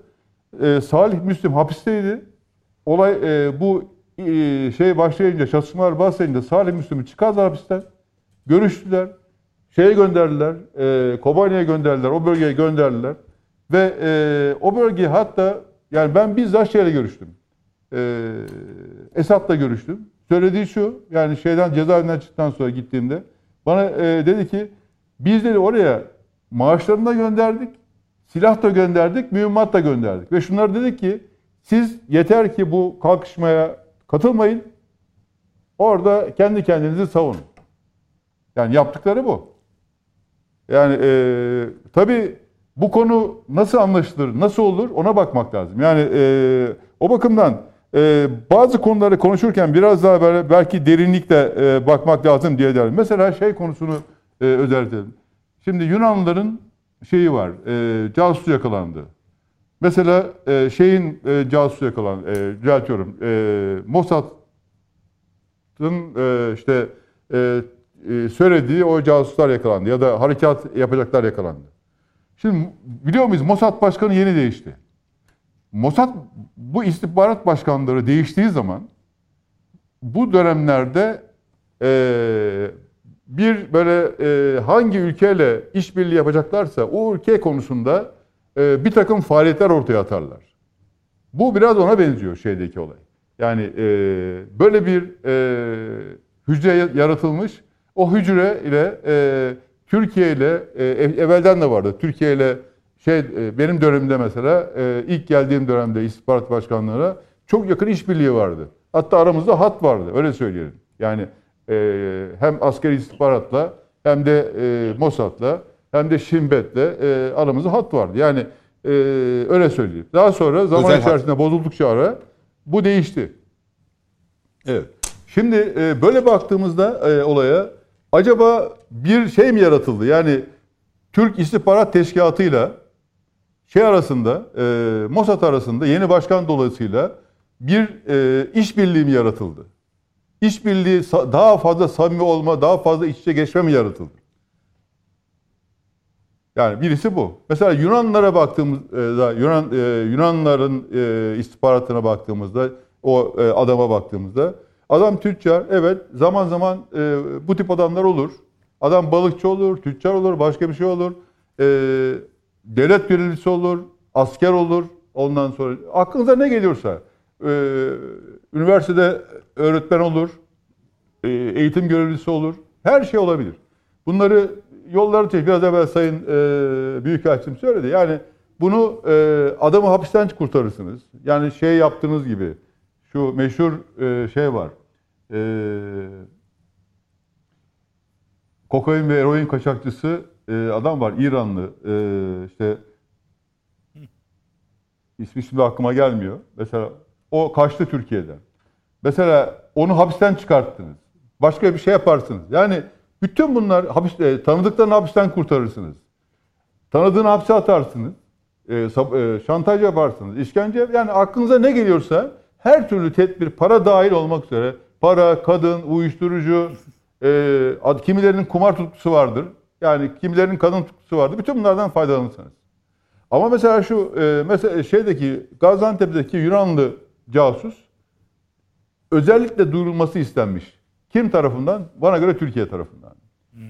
Orada ne arar bu adam? Büyük ihtimalle e, ya İran'ın ya Amerika'nın kendine verdiği görev yani şimdi istihbarat örgütleri çalışırken birbirlerinden şey e, değiş tokuş yaparlar. Derler ki sen ben orada oraya orada benim ya şeyim yok. Haber elemanlarım yok. Senin orada haber elemanların var. Onları al. Bir de ben bu açığa çıkarsa zor durumda kalırım. Yani İran'la komşuyuz ya da işte başka bir ülkeyle komşuyuz. Ee, dolayısıyla sen burada istihbarat yap. Aldığın istihbaratı bana gönder. Yani böyle böyle istihbarat değiş tokuş yapılır, yapılır şeyler arasında. Hiç olmadığınız bir adam gelir Yunanlı birisi orada diyelim ki e, işte Antep'te veya başka bir yerde e, bu tip faaliyetlerde bulunur. E, onun için bu konulara bu konular da öyle. Yani ve bizim bilmediğimiz yüzlerce konu var. Yani şimdi e, bizim ülkemizin istihbarata karşı koyma ve güvenlik e, sorumluluğu Milli İstihbarat Teşkilatı Başkanlığındadır. Milli İstihbarat Teşkilatı Başkanlığı bunu e, yani yetkili odur. E, karşı casusluk gibi bakımına böyle yapar böyle ve devamlı birileri çıkar. Bunların bir kısmını hiç şey bile yapmaz. Sadece takip eder. Onlardan kimle konuşuyor? Hangi bilgileri aktarıyor? Bunlara ilave başka bilgiler e, aktarır, yanlış veya farklı bilgiler. O bilgileri karşıya aktattırılır. Yani ya da bazılarını elinde tutar, gerektiği zaman ortaya çıkarmak suretiyle. Yani bilmediğimiz, etmediğimiz ya da bazılarını alır, e, cezaevine veya başka bir yere koyar. Orada bu adamlar e, başka biriyle, başka bir ülkenin casusuyla takas edilir. Yani zaman zaman işte Amerika ile şey arasında duyuyor, görüyoruz. Zaman zaman Türkiye'de de Türkiye'de de galiba geçenlerde böyle bir şey oldu. Rusya Peki, arasında, Sayın ile Pekin, Rusya şunu merak ediyorum. Casus takası oluyor. Farklı Ee, şeyler oluyor. Bu Evet. e, ajan, casus sadece Yunan casusu olarak mı görmeliyiz bunu? Hayır. Ben şunu söylüyorum. Bu e, bu büyük ihtimalle e, bu bu adam Yunan, Yunanistan'a çalışıyor olabilir. Ama buradaki görevi baktığımız zaman bu görevi Görünürde öyle olabilir. bölgede, Evet. Antep'te, diğer yerlerde e, farklı e, farklı ve başka bir ülke adına bu işi yapıyor olabilir. Mesela Amerika adına bilgi topluyor olabilir. İran adına bilgi topluyor olabilir. E, orada insanları yani e, ihale yapmak suretiyle, iş vermek suretiyle insanları örgütlüyor olabilir. Kendine uygun başka adamları devşiriyor olabilir. Yani E, bu konuda e, en önemli konu mesela biz e, devamlı şunu söylüyoruz. E, zaman zaman Milli İstihbarat Teşkilatı işte e, şeylere yönelik operasyon yapıyor. E, biraz evvel de konuşuldu. E, komşu ülkelere yakın, yakın çok derinlikli operasyonlar yapıyor. Şimdi bu operasyonlar, e, bu operasyonların yapılabilmesi için bilgiye ihtiyacınız var. Sadece uçakla ya da e, İHA gelen bilgi yeterli değil. En iyi bilgi insan istihbaratıdır. Yani normal istihbaratın sadece yüzde beşi insan istihbaratıdır. Geri kalanı çok büyük bölümü yüzde sekseni seksen beşi açık açık istihbarattır, elektronik istihbarattır ama e, yüzde beşi insan istihbaratıdır ve insan istihbaratı çok kıymetlidir. Çünkü gözüyle görür ve teyit eder. Şimdi bunun yapılabilmesi için Milli İstihbarat Teşkilatı'nın İran'ın derinlik, e, Irak'ın derinliklerinde veya Suriye'nin derinliklerinde e, çok fazla bir haber elemanı ağı olması lazım. Haber elemanı ağı olmadan bunları yapmaları mümkün değil. Yani hatta bu elemanların mesela Erbil'deki adamın er, e, Erbil'deki e, havaalanındaki diyelim ki bagaj yükleyicisinin ya da Brüksel'den Erbil'e gidecek adamın e, biletini satan birinin mutlaka işbirliği gerekir. Hangi koltukta ne zaman hangi saatte Brüksel'den Erbil'e geldi? Erbil'den Süleymaniye ne zaman gidecek? Yani bu soruların cevapları bu soruların cevaplarını devamlı araştırır e, Milli İstihbarat Teşkilatı. Nasıl araştırır? Tabii ki e, haber elemanları vasıtasıyla. Hiç ummadığınız haber elemanı. Yani orada temizlik yapan, paspas yapan birisi de bakar bu işe. Farklı birisi de bakar. Ya onun için istihbarat konusu, istihbarata karşı koyma ve şey konusu, e, güvenlik konusu çok kritik bir konudur. Bizim ülkemiz içinde. E, ülkemizde şimdi sadece bunlar mı var? Kimini kaç tane adam var? Yani işte biraz evvel söyledim. İstanbul'da, Ankara'da, farklı Peki. yerlerde. Toplayalım e, Sayın Paşam. Sizde konuşan. Evet. Yani e, söylemek istediğim konu. Yani biz biraz da olaylara farklı. Mesela bu şey konusunda da hep şunu söylüyorum. E, acaba e, acaba e, mesela bu e, şeyde de harekatta da Sayın Cumhurbaşkanı farklı bir amaç mı gidiyor? Yani bu amaç vasıtasıyla buraları yumuşatma, e, insanları razı etme bu konulara e, ve e, bundan bazı birliklerin geri çekilmesini sağlama. Çünkü sonuçta açık açık şunu söyledi. Terrifat dedi ve münbiş dedi. Buraya harekat yapacağız dedi. Bu iki bölgede Rusların kontrolünde. Yani onun için e, yani bu buna iyi bakmak lazım. Acaba altında başka bir şey mi var? Yani durup bugün Peki. tekrar etti aynı şeyi. Evet, bunu Yani yakın eğer zamanda bittiyse niye tekrar etti? gibi duruyor paşam. Peki e, Evet. Nedim Şener Evet. e, NATO zirvesi dedik. Şimdi e, İsveç ve Finlandiya'nın üyeliği e, öncelikli gündem maddeleri arasında yer alacak. E, sen ilk bölümde PKK'nın söz konusu ülkeler başta olmak üzere Avrupa'nın neredeyse tamamında cirit atmasını, rahatlıkla gösteri düzenlemesini, emniyetin bunlara göz yummasını örneklerle anlatmıştın. Türkiye'de veto gerekçesini zaten tek maddeyle bu şekilde açıklamıştı e, söz konusu ülkelerin teröre desteği. Şimdi e, Sayın Özülker değindi zannediyorum. İşte İsveç'ten son dönemde gelen açıklamalar özür mahiyetinde falan ama biz bu ve buna benzer e, özür, açıklama, izahları daha önce çok sıklıkla gördük. Bunun değil eyleme dönüşmesi katlanarak arttığına da tanıklık ettik. Benzer bir durum olur mu? Dolayısıyla e, idare edermiş gibi yapma haline bürünür mü hadise? Biz o vetodan bu anlamda geri ata- adım atabilir miyiz yoksa gerçekten eyleme dönüşmesini bekler miyiz? Evet, önce şu casus İranlı şey Yunanistan Ha, evet, vatandaşı evet. olan casusla ilgili birkaç şey Çok karmaşık bir coğrafyada çok karmaşık bir olay aslında. Ee, evet ben mesela e, İsmail Hakkı Bey'in söylediği gibi bilinmesi istenmeye istenmemiş olsa bu bilgiler bu kadar detaylı kamuoyuyla paylaşılmaz. İfadesi de basında yer almazdı. Nitekim ifadesini okuduğunuz zaman olayın karmaşıklığını görüyorsunuz. Kişi Suriye ve Yunanistan vatandaşı. Muhammed Ampara diye birisi. Çok enteresan. Karısı DAEŞ'in e, eğitim sorumlularından bir tanesi. E, ve Ha, evet. çocukları cihada hazırlamak için e, kurulan anaokullarının tamamının sorumlusu bir kadın. 2017'de öldürülmüş hava saldırısı sırasında. Şimdi DAEŞ mensuplarına para gönderilmesinde Yunan istihbaratının bilgisi dahilinde yardımcı oluyor. Ve çok ilginç mesela e, e, Rakka'dan Antep'e geliyor 2014-22 arası sürekli oralarda kalıyor. Tabi yabancı birisinin bu giriş çıkışları elbette ki istihbaratın gündeminde olur. Yani her kim otellerde kalmaya başlar zaten bu şekilde bir trafik herkesin ilgisini şey e, devletlerin ilgisini çeker. Ee, ilginç Suriye sınırındaki Türkiye'nin çalışmalarını Yunanlılar merak ediyor. Ve yine Mersin'deki Suriyeliler hakkında bilgi toplamasını istiyor. Ve Yunanistan'ın istihbaratın bilgisi dahilinde FETÖ'cü bir iş adamının buradaki işlerini takip ediyor. Onun hakkında bilgiler sahibi oluyor. Yani Yunanistan... Ve kim için? Yani Adres belli. Çok karmaşık bir olay var karşımızda. Yani bu komplike olayı yani ancak işte MIT'in... Şimdi yani öyle hafife almamak lazım Türkiye'nin bu konuda gücünü. İnsan özellikle hani insan istihbaratı özellikle Suriye topraklarında o iç savaş bölgelerinde e, Türkiye çok etkili bir şekilde e, operasyonlarına destek alıyor. Bugün Ve çok, çok kıymetli. Çok İnsan tabii yani şeyde gibi. E, o bölgede yapılan nok, nokta operasyonlarında onun hem Kuzey Irak'ta hem de Birebir Suriye topraklarında var. çok etkisini görüyoruz. Burada da e, ülke içinde de yine aynı şekilde ama ilginç olan şu e, Yunanistan'ın Müslüman görünümlü bir casusu buraya gönderip e, şey eleman olarak kullanması. Ya bize FETÖ'cüleri hatırlıyor değil mi? Onlar da Müslüman taklidi yapan hainlerdi.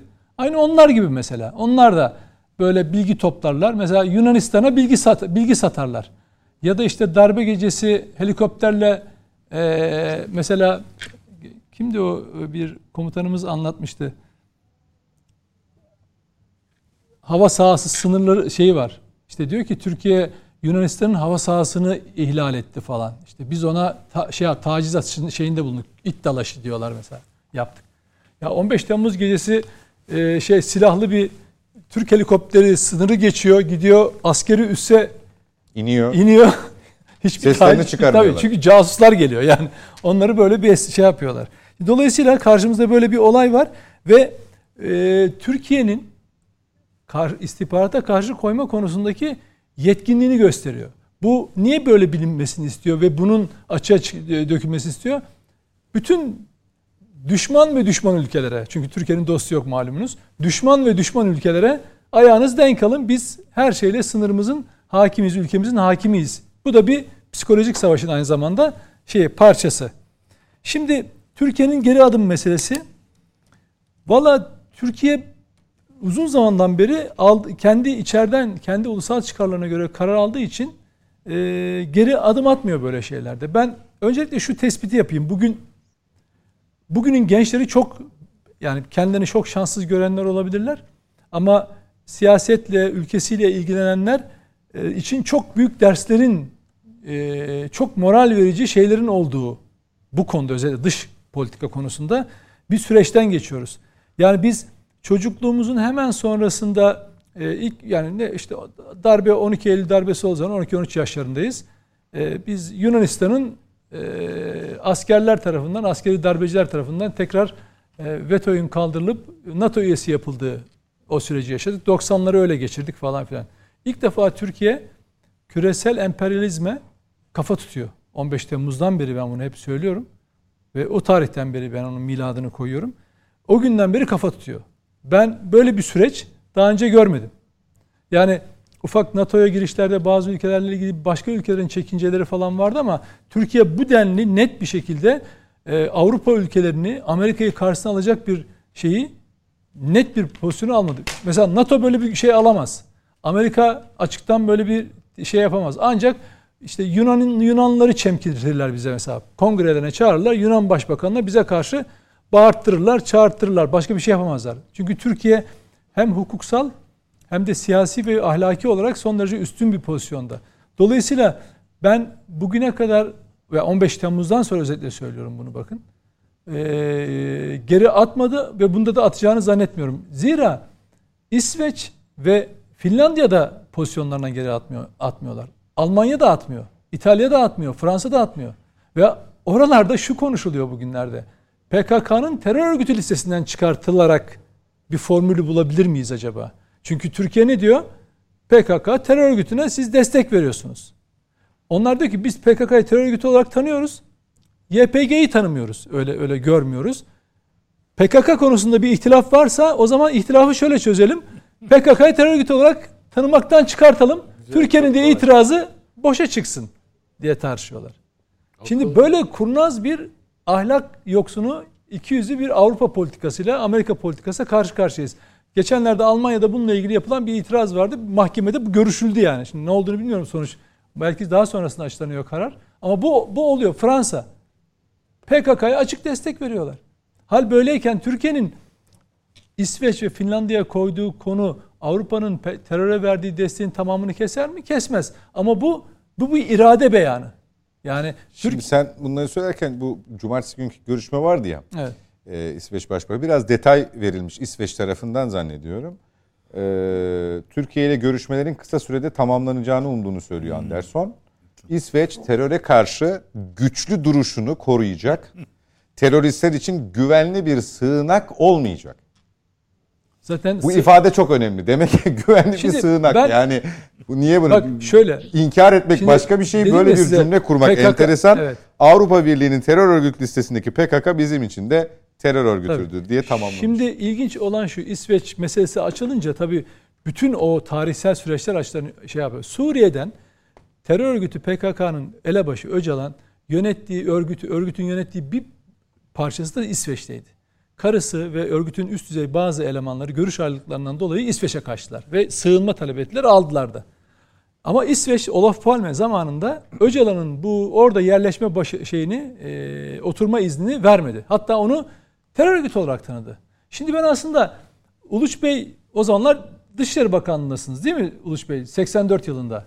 Öyle. Çok enteresandır. Neredeyse Türkiye'den önce diyeceğim. Belki de tarihi olarak biz çünkü Ağustos 84'ten itibaren terör örgütüyle karşı karşıya kaldık. Tabii daha öncesinde biz onu apocular mapocular falan diye şey yapıyoruz ama terör örgütü listemizde ayrı olarak onunla ilgili kararlarımız var. E, ama e, uluslararası anlamda 84 yılında Olaf Palme PKK'yı terör örgütü olarak tanımış. Ya adamların tamam Avrupa'da infazları var falan ama ya Avrupa Birliği'nin 2000'li yıllarda 90'ların sonunda ancak Amerika'nın tanıdığı terör örgütü olarak tanıdığı bir şey örgütü Olaf Palme terör örgütü olarak tanıyor. Niye? Öcalan örgütün merkezini İsveç'e taşımak istiyor. Asala ile beraber. Asala ile yaptığı anlaşma. Bunları hep tabii PKK tarihinden anlatıyoruz. Yazıyoruz. Şimdi dolayısıyla Avrupa'nın yani Olaf Palme'den beri ve arkasında Olaf Palme suikastinin arkasında operatör olarak PKK'lılar var. Bunu da açık açık söylüyor. Hatta CIA'nin bu konuda yazılmış raporu var. Yani bu işin arkasında e, PKK'nın olduğu. Ve ilginçtir.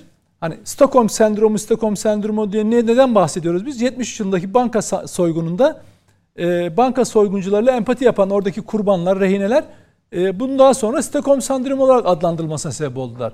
Şimdi İsveçlerde bu yapı var. Kendi başbakanlarını öldürmüş. Olaf Palme'yi öldürmüş bir örgüte sahip sahip çıkıyorlar. Bugün PKK'nın kolu YPG olduğunu bildikleri halde Dışişleri Bakanı onları canhıraş savunuyor. Onları gidip bir de kongrelerinde toplantılarında konuşmalar yapıyor. Ziyaret ediyor. Şimdi dolayısıyla Türkiye her şeyi biliyor. Bununla ilgili yani şöyle İsveçlilere, Finlandiyalara onların PKK tarihini e, içeren raporları önüne koyuyor. Hani Demirel'in çok hoş bir şeyi vardı, bir tarzı vardı. Toplantılara giderken değil mi Sayın Uluş Bey? Eee e, hangi ülkeye gidiyorsa oradaki PKK'ların ev adreslerini veriyordu mesela. Diyor ki işte bu, burada oturuyorlar falan diye. Onlar da aptal, aptala yatıp şey yapıyorlardı. Şimdi dolayısıyla Türkiye bunlara o ülkelerde nere olduğunu derslerini veriyor. Zaten kamuoyu önünde gerçekleşiyor. Dolayısıyla Türkiye'nin geri atması demek bakın iki şeyde. Bir Suriye operasyonunda geri adım atarsa İsveç Finlandiya e, konusunda e, geri adım atarsa bir sağ ayağına sıkar bir de sol ayağına sıkmış olur Türkiye. Dolayısıyla ikisini de yapmayacağını düşünüyorum ben. Peki. Ali Bey Efendim müsa müsaade eder misiniz? Ha onu ee, soracağım bir, size. Şaşırdınız mı bir e, Uluş Bey? Uluş Bey. E, Olaf Palme evet. e, PKK'yı terör örgütü olarak tanıdığında ya ne oluyor? Daha dünyada böyle bir şey yokken nasıl oldu bu falan diye bir şey dışişlerin deneyiminizden bahseder misiniz eğer varsa şeyiniz çok yaşam. çok kısa sayın Özülker. Ek, çok kısa olarak bir de ek olarak bir şey daha söyleyeceğim. Efendim İsveçliler siyah beyaz bakarlar dünyaya. E, Nordiklerin genel karakteri budur. Ben e, bir e, örnek daha vereceğim. Linde, Bayan Linde, o da, da biliyorsunuz öldürüldü sonra. Kendisi İsmail Cem'le rahmetli İsveç'e gittik ve PKK'ya topyekun destek çıkıyorlardı. Orada müzakerelerde İsmail Bey dedi ki bu kadar merak etmenize gerek yok yani böyle bir şey yapmayın. Sizi Türkiye'ye davet ediyorum. Serbestçe istediğiniz kişilerle ve yerde gidip görüşün.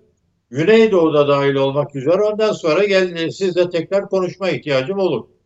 Efendim Linde de Türkiye'ye geldi.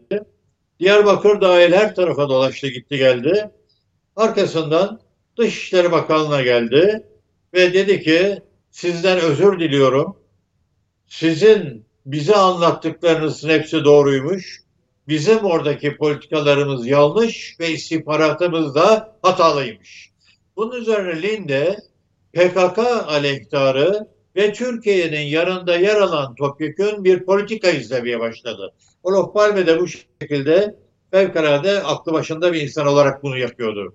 Her ikisini de öldürdüler efendim. Dolayısıyla e, bugün İsveç diye baktığınız zaman e, İsveç Başbakanı bir oyla ayakta duruyor. E, o oyda ne yazık ki e, Kürt kökenli bir İranlı ve şimdi İsveçli olmuş olan bir hatun kişinin oyudur. Bu da sosyal demokrat olaraktan e, devam ederken ayrılıp tek başına bağımsız bir milletvekili olmuştur. O oy vermediği zaman da İsveç'te hükümetin hayatta kalabilme şansı yoktur. Dolayısıyla buradaki bir sorunun temeli e, iktidar olaraktan devam etmek veya Türkiye'ye hak vermek.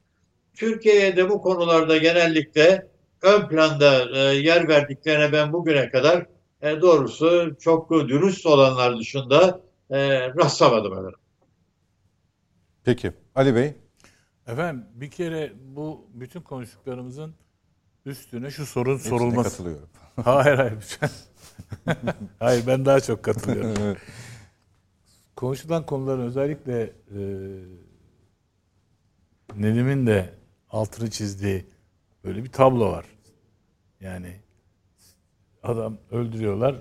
Buna rağmen onu öldürenin PKK'lılar olduğunu bil, tahmin etmelerine rağmen PKK'ya Yo, Destek şeyin var. falan. İsveç istihbaratının bu konuda şeyi harika. var. Şimdi var. Tahmin de değil yani. Şunu soruyorum ben de kendi kendime neden? Yani neden böyle bir e, şey var, e, işbirliği ve bir anlayış var Türkiye aleyhtarı değil mi? Bunu sormamız lazım değil mi? Yani neden ağzında kuş tutsan e, yaranmadıkça, onların dediğini yapmadıkça aslında Nedim bunun cevabını verdi. 2000 e, 2016'dan itibaren mi dedi? Tabii 15. 15 2015'ten Temmuz. sonra, 15 Temmuz'dan sonra dedi. E, e, küresel emperyalizme karşı duruş. Bence daha da önceye gidiyor o küresel emperyalizme karşı duruş. Milli bağımsızlık meselesinin AK Parti hükümetleri Şöyle içinde konuşulmaya 2009'da başlaması. Evet. 2009'da başlıyor Ha. e, e, One Minute olayıyla ama evet, evet. icraî Tezkere- olarak tezkere de var artık orada. karar alabilecek e, noktada çünkü o, Evet. o süreçte içimizdeki casus, içimizdeki hain FETÖ bütün politikaları terse çeviriyor. Yapmak istediği Evet. bütün operasyonları akamete uğratıyor ve ihanete yani açılım sürecindeki o ihanetleri Evet. baş müsebbibidir. Ben yani. şimdi biraz had, müsaade ederseniz haddimi aşarak bir şey söylemek istiyorum. Bu gibi durumlardan benzerini Milli Kurtuluş Savaşı'nda yaşadı değil mi Türkiye? Yani onların istediği hani Cumhurbaşkanı diyor ya mandacı iktisatçılar diyor. O zaman da mandacılar vardı. Ve daha önce İttihat ve Terakki'nin daha öncesine gidip bakacak olursak şey vardı değil mi? Ee, Tazimat Aydınları denen bir grup vardı. Bunlar e, Batı normları ve Batı çıkarlarının doğrultusunda hareket ediyorlardı. Şimdi Gazi Mustafa Kemal Atatürk'ün Anadolu devriminin özüne bakacak olursak orada da milli bağımsızlık meselesi gündemdeydi. Ondan sonra bir inkitaya uğruyor. Çok ciddi 1903'te e, 38'de bir 35'te başlatıyorlar An- analiz e, e, sosyoloji konusunda, antropoloji konusunda uzmanlığı olan insanlar ve de uluslararası ilişkiler 35'te başlatıyorlar. Bu kırılma noktası da Kadro dergisinin e, başındaki Yakup Kadri'nin Tirana Büyükelçi olarak gönderilip onun başına İngiltere'den bir e, entelektüelin transfer edilmesini kırılma noktası olarak gösteriyorlar. 1935. Ondan sonrasında bu devam ederek geliyor ve de Türkiye'yi teslim alıyor. İşte NATO'ya giriş, işte Güney Kore'ye, e, Kore'ye pardon askeri e, askerin gönderilmesinden tutun da yani ne işimiz var hani orada sorulması gereken soru böyle devam ediyor. Ne zaman?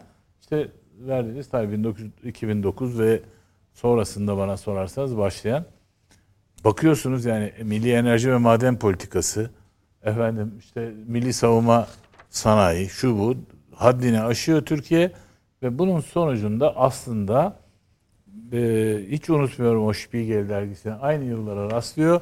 Kapak şu Der Neue Feind iki nokta üst üste yeni düşman iki nokta üst üste İslam. Kapakta da çarşaflı bir siyah kara çarşaflı bir kadın. Bence Avrupa'nın ne demek istediğini gayet iyi anlatıyor. Şimdi burada Avrasya... Çarşaflı bir kadın. Çar, peki çarşaflı bir kadın. Güzel. Lacivert değil ama yani onu demek istiyorum. Yani kötü göstermek... Başka amaçlı kullanıyorlar tabii, ya onu içeride. canım. O yüzden onu... Hayır ama o da kötü göstermek için öyle Evet. koyuyor zaten. Çok şık, çok şık bir şey koymuyor yani. Ee, ondan sonra e, burada e, Türkiye'nin e, milli bağımsızlık çizgisinde e, ileri doğru adım atması, dünya beşten büyüktür diye bunu uluslararası platformlara taşıması var. Tamamen hadsizlik yani. Amerika'ya ve Avrupa e, emperyalizmine karşı büyük bir hadisizlik. Şimdi burada hani İsveç niye böyle yapıyor, Finlandiya niye öyle yapıyor, Yunanistan e, burnumuzun dibinde e, bize niye böyle hadsizlikler ediyor, işte şeyi niye kucak açıyor helikopter, silahlı helikoptere. Akıl alır gibi diye sıkıysa geçiverin şimdi Yunanistan'a silahlarla falan. Böyle olacak iş mi? Bu nedenle esas mesele bu. Burada bu çizgiyi işte içeriden ve dışarıdan bunu engellemeye çalışıyorlar şu anda. Yaptıkları Zaten iş. şu anki izlenim de e, hani küçük yaştaki bir çocuğun diyelim hani e, arkadaşlarının arasında babası varken ki tavrıyla yalnızken ki tavrı e, arasındaki farkı ortaya e, ortaya koyuyor ve bizim bunu görmemizi sağlıyor. Yani ben şimdi düşünüyorum mesela siz bu değerlendirmeleri yaparken bu yığınak olmasaydı Amerika Birleşik Devletleri'nin Yunanistan'da e, şu an durum farklı olur muydu?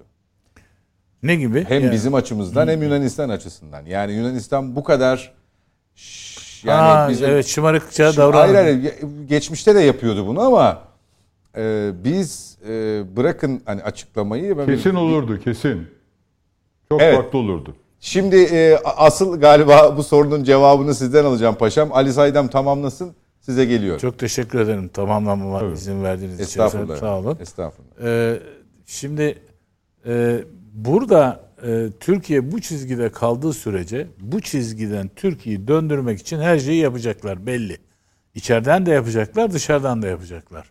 Yani Sayın Cumhurbaşkanı'nın bugün e, mandacı iktisatçılar dediği e, e, takımın e, böyle bir şaka yolu alınması, ele alınmaması gerektiği kanaatindeyim. Bu bugünün meselesi. Mesele değil. değil bravo. Bir son cümle daha arz etmeme müsaade buyurun. Yıl 1995 ve ben bunun bir fantazi olduğunu düşünmüştüm. Arz ediyorum. Yıl 1995 Milliyet Gazetesi bir e, New York'ta CIA'nin da- zaman CIA başkanı ile yapılmış röportajı yayınladı. 95 yılı. Hiç unutmuyorum. Diyor ki başkana soruyorlar. Ya efendim diyorlar. Sovyetler Birliği'nde binlerce e, ajanınız var. Evet vardı. E diyorlar işte bu e, Sovyetler çöktü ve de bu e, işte ikili dünya sistemi yıkıldı. E, monopol bir hale geldiniz. Şimdi ne ihtiyacınız var artık oradaki ne yapacaksınız bu e, CIA ajanların diye ciddi ciddi soruyor adam. Cevap şu. Türkiye'ye kaydıracağız.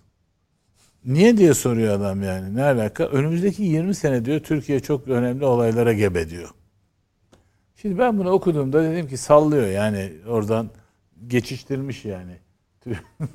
Amerika CIA başkanı bunu e, herhalde lafı Afganistan dururken işte İran dururken niye Türkiye kaydırsın diye. Gene biraz geç okudum ben e, şeyin kitabını. E, Grand Chessboard'u Büyük Satranç Tahtası'nda. Orada da Brzezinski diyor ki Avrasya'ya hakim olan dünyaya hakim olur. Avrasya neresi? Avrasya'nın merkezi sikleti neresi? Burası. Şimdi bütün bunları birleştirdiğimiz zaman şu çıkıyor. Yani böyle bir hani evrensel, küresel insan hakları, ev, demokrasi şu bu falan değil. Çok net bir mesele var. Haddine değil bu bölgede Türklerin, Müslümanların, emperyal güçlerin aleyhine ve durduk yerde aleyhine bile değil yani milli bağımsızlık falan böyle bir şey haddine değil. Bunları bunları ihla, ıslah etmemiz lazım. Bunları Peki. doğru yola sokmamız lazım düşüncesinin basit uygulaması gibi geliyor bana. Ee, Sayın Pekin nedir, e, ne, e, ne farklı olurdu e, bu e, konuşlanma yığınak olmasaydı? Şimdi önce şunu söyleyeyim. 2019-18 yılı e, Amerika Birleşik Devletleri'nde e, United States Navy e, diye bir e, enstitü var. United Navy Enstitüsü diye. Bu genelde e, 86'tan itibaren e, dergi çıkartıyor. O dergi e, en son dergi 2018 3. dergi çıkıyor. E, bu der, bu derginin ismi bu derginin içerisinde e, Deniz Harekatı ve e, deniz taktikleri var. Deniz taktikleriyle ilgili bir konu var. Bu konu e, en son 2018'de çıkan derginin 15. sayfasında 15. bölümünde şöyle bir şey geçiyor. Ege'deki Türk-Yunan Savaşı. Yani şimdiye kadar yaptığı hiçbir e, bu tip senaryolarda kesinlikle ne Türk ifadesini kullanmışlar ne Yunan ifadesini kullanmışlar. Ege'de Türk-Yunan Savaşı, Ege'de Deniz Savaşı. Tarafların bir kısmı e, karşı taraf Yunanistan ve Amerika Birleşik Devletleri. Bu taraf Türkiye. Amerika Birleşik Devletleri diyor ki Türkiye topraklarına zarar vermeden yani eğer diyor Türkiye topraklarını ateş altına alırsak Türkiye'yi kaybederiz. Onun için sadece Ege'de e, Boğaz çıkışından itibaren Türk donanmasını ve Türk Hava Kuvvetleri'ni ima etmemiz gerekiyor. Hmm. Ve buna uygun olarak e, bir plan yapıyorlar. E, ve e, işte hatta isimleri de yani çok enteresan var. Enteresan isimleri var şeylerin. E, mesela e, ilk defa Amerikalılar bize karşı 1804'te Cezayir e, dayılarının olduğu dönemde bizim bir gemimizi batırmışlar. Osmanlı'nın bir gemisini batırmışlar.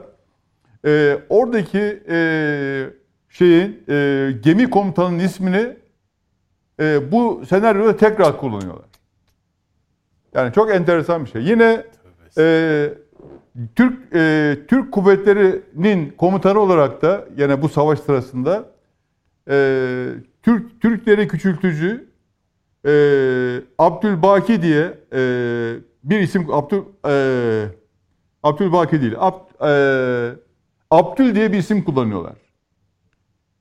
Mehmet Abdül diye bir isim kullanıyorlar. Çok enteresan. Bu da e, Osmanlı döneminde e, şeyleri Türkleri küçültücü anlamda kullanılan bir karikatür bir isim. Yani böyle bir savaşta ve Türkiye'yi yenmeye çalışıyor. Bakın şimdi 2018'den çok e, zaman geçmedi. Yani adamlar geldiler e, Rusya'yı doğudan dengelemek üzere e, Yunanistan'ın yığına, Yunanistan'ın yığınak yaptılar. Çok sayıda üsleri var. Bütün Ege adalarını yani Ege adalarındaki silahlanma bize karşı bize bize girip çıkacak yani Türkiye'ye girmeleri için deri olmaları lazım. Yani sadece e, şeyde Ege kıyılarında yani bizim kıyılarımızda e, Yunanistan nüfusundan fazla insan var. Ama hesapları e, Türkiye'nin kendilerine taarruz etmeleri önlemek ve Türk e, hava kuvvetlerini burada ima etmek. Nere, nerede? Boğazlarla Girit Adası'nda. Ve Türkiye'nin buna karşı Ege ordusunu kurduğunu biliyorlar. E, hepsini biliyorlar. Ve sonuçta Türkiye'yi e, hem karadan hem de deniz ve havadan e, zor durumda bırak, bırakacak şekilde bir yığınaklanma yapıyorlar. Bu yığınaklanma aynı zamanda Amerika şeyin işine geliyor. Yunanistan işine geliyor. Çünkü Türkiye'nin girebileceği yerleri, karşılaşabileceği yerleri tıka, tık, tıkıyorlar bu şey vasıtasıyla. Ve arkasından e, buraya tıkamak suretiyle Türkiye'nin dikkatini Ege'ye çekiyorlar ve Türkiye'yi Doğu Akdeniz'den Doğu Akdeniz'den enerjinin olduğu yerden Doğu Akdeniz'den asıl olmamız gereken yerden ve güneyden tehdit etmeye çalışıyorlar. Bizleri e, or- oralardan göndermeye çalışıyorlar. Yani amaç Türkiye'yi batıda sıkıştırmak, e, güneyde ve e, güneyde de bir şekilde güneyde ve doğuda da Türkiye'yi Zor e, oralarda ezmek, e, gücünü azaltmak. Böyle bir hesapları var. Peki e, bu bu hesap içerisinde bu bölgede bir e, garnizon devleti kurma da var. Bunların hepsi var. Yani onun için adamlar bize bir türlü kabul etmiyor. Yani etmemelerin nedeni bu. E, adam diyor ki bu kadar büyük bir ülke, bu ülkeyi e, benim belli yani en azından şey yapmam lazım. Federal bir ülke yapmam lazım. Federal ülke olsun, zayıflasın. Bakın etrafımıza bizim hiç ulus devlet var mı? Yani İran var, Türkiye var, ulus devlet olarak bir de e, Mısır var. Onların dışındaki bütün devletler devlet değil. Hepsi e, kabile, hepsi aşiret. Yani şeyhleri var, şey, e, işte başlarında adamlar var. Irak da aynıydı, Suriye de aynıydı. Onlar da aynıydı. Dolayısıyla bu bölgede, bu bölgede bilinçlenmiş ulus devlet istemiyorlar. Yani bir sıradayız. Yani bizden sonra belki işte İran sırada. Ee, öyle söyleyelim. Mısır zaten şu anda e, çok daha zor durumda, çok daha farklı durumda. E, o o da e, bir şekilde esir alınmış durumda. Yani e, yaptığı e, seçimlerle vesaire falan. Onun için e, bizim niye böyle bu durumda olduğumuzu, niye sevilmedim? Yani e, aslında zaman zaman şu e, bize kin kin duyuyorlar. Kin falan duymuyorlar. Türkiye'de bir devleti istemiyorlar. Çünkü bu Türkiye'de bir, gibi bir de e, burada devlet bu bölgede bu bölgenin e, şeyini e, ne diyelim keyfini sürsün istemiyorlar. E, Türkiye'nin e, bu bölgede organize bir e, devlet kurmasını, e, ilerlemesini istemiyorlar. Bu açık ve net. Ve bizi hep her seferinde içimizden vuruyorlar. İşimiz biz de yani farklı yer. yani Avrupa bizi sevmiyor. Yani sevgi falan değil. Adam adamlarla aynı şeydeyiz, e, aynı örgütteyiz, müttefikiz. Ama adamlar bu müttefikliğin e, adı altında içeride bir, Türkiye aleyhine bir sürü şey çeviriyorlar. E, da, alavere dalavere çeviriyorlar. Yani dolayısıyla e, Türkiye'nin bütün bunların farkında olması lazım. Peki yalnız yalnız yaşayabilir miyiz? Yalnız da yaşayamıyoruz. E, ittif- ittifaklara, müttefiklere ihtiyacımız var. Komşulara ihtiyacımız var. Onun için e, yani bu konuda da kendi göbeğimizi kendimiz keseceğiz. Yani bu ülkeleri zorlayacağız. Başka çaremiz yok. Niye zorlayacağız? Komşu olacağız e, başka bir ülkeyle. O, o, o komşu olduğumuz ülkeyle birlikte e, işte ne bileyim Almanya'nın başka bir ülkenin menfaatini menfaatinin üzerine çıkacağız. Ya da onları yolda engelleyeceğiz. Bütün korkuları budur. Bütün e, amaçları budur diye değerlendiriyorum. Peki. E, umarım e, başarılı oluruz e, bu konuyla ilgili. Çok teşekkürler Sayın Pekin bu bölüm içinde. Sayın Özülker e, yavaş yavaş sona geliyoruz. Konu başlığı da çok. E, yeni bir saldırısı oldu Rusya'nın Ukrayna'ya başkent Kiev'e üstelik. Yeni bir cephe mi açılıyor e, sorusunu da beraberinde getirdi bu. Bir yandan da Avrupa cephesinden de özellikle askeri kanattan e, açıklamaları geçtiğimiz hafta birbiri ardına duymuştuk. E, bir savaşa hazırlanılması yönünde e, telkinler veriliyordu sürekli. E, gerçekten böyle bir savaş olacağını düşünüyor musunuz? Bu iş oraya doğru gidiyor mu? E, NATO Rusya'ya savaş açma ya da bunu fiili hale getirme noktasında bir göze alış sergiler mi? Efendim söz konusu değil.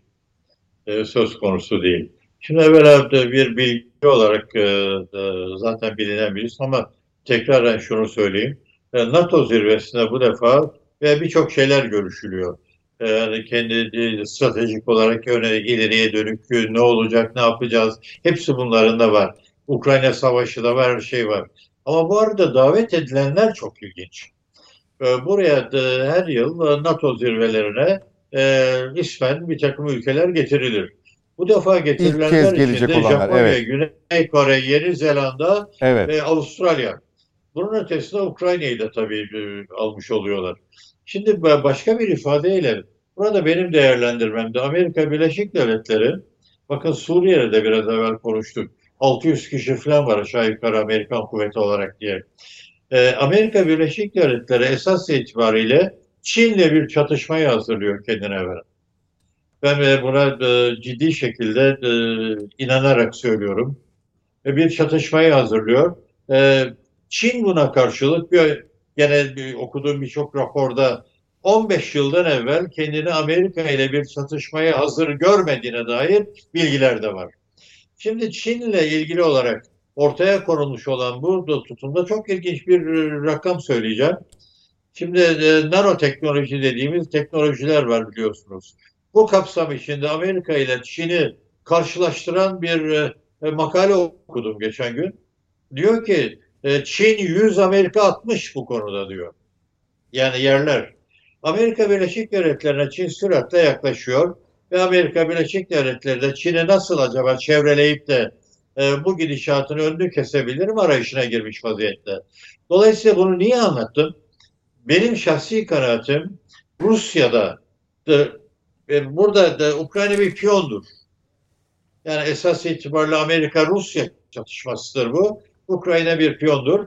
Ama e, bu piyonluk içinde aynı zamanda e, Rusya'nın olabildiği kadar fazla zayıflatılması suretiyle Çin'le yapabileceği bir işbirliğinin kendi işini Çin'e dönük olarak daha da zorlaştırmaması için ona diz çöktürecek bir politika izleme olarak da adlandırmak mümkündür. Şimdi Avrupa'ya gelince efendim biliyorsunuz Biden yeni bir açıklama daha yaptı. Dedi ki evet NATO tekrar kendine gelmiştir.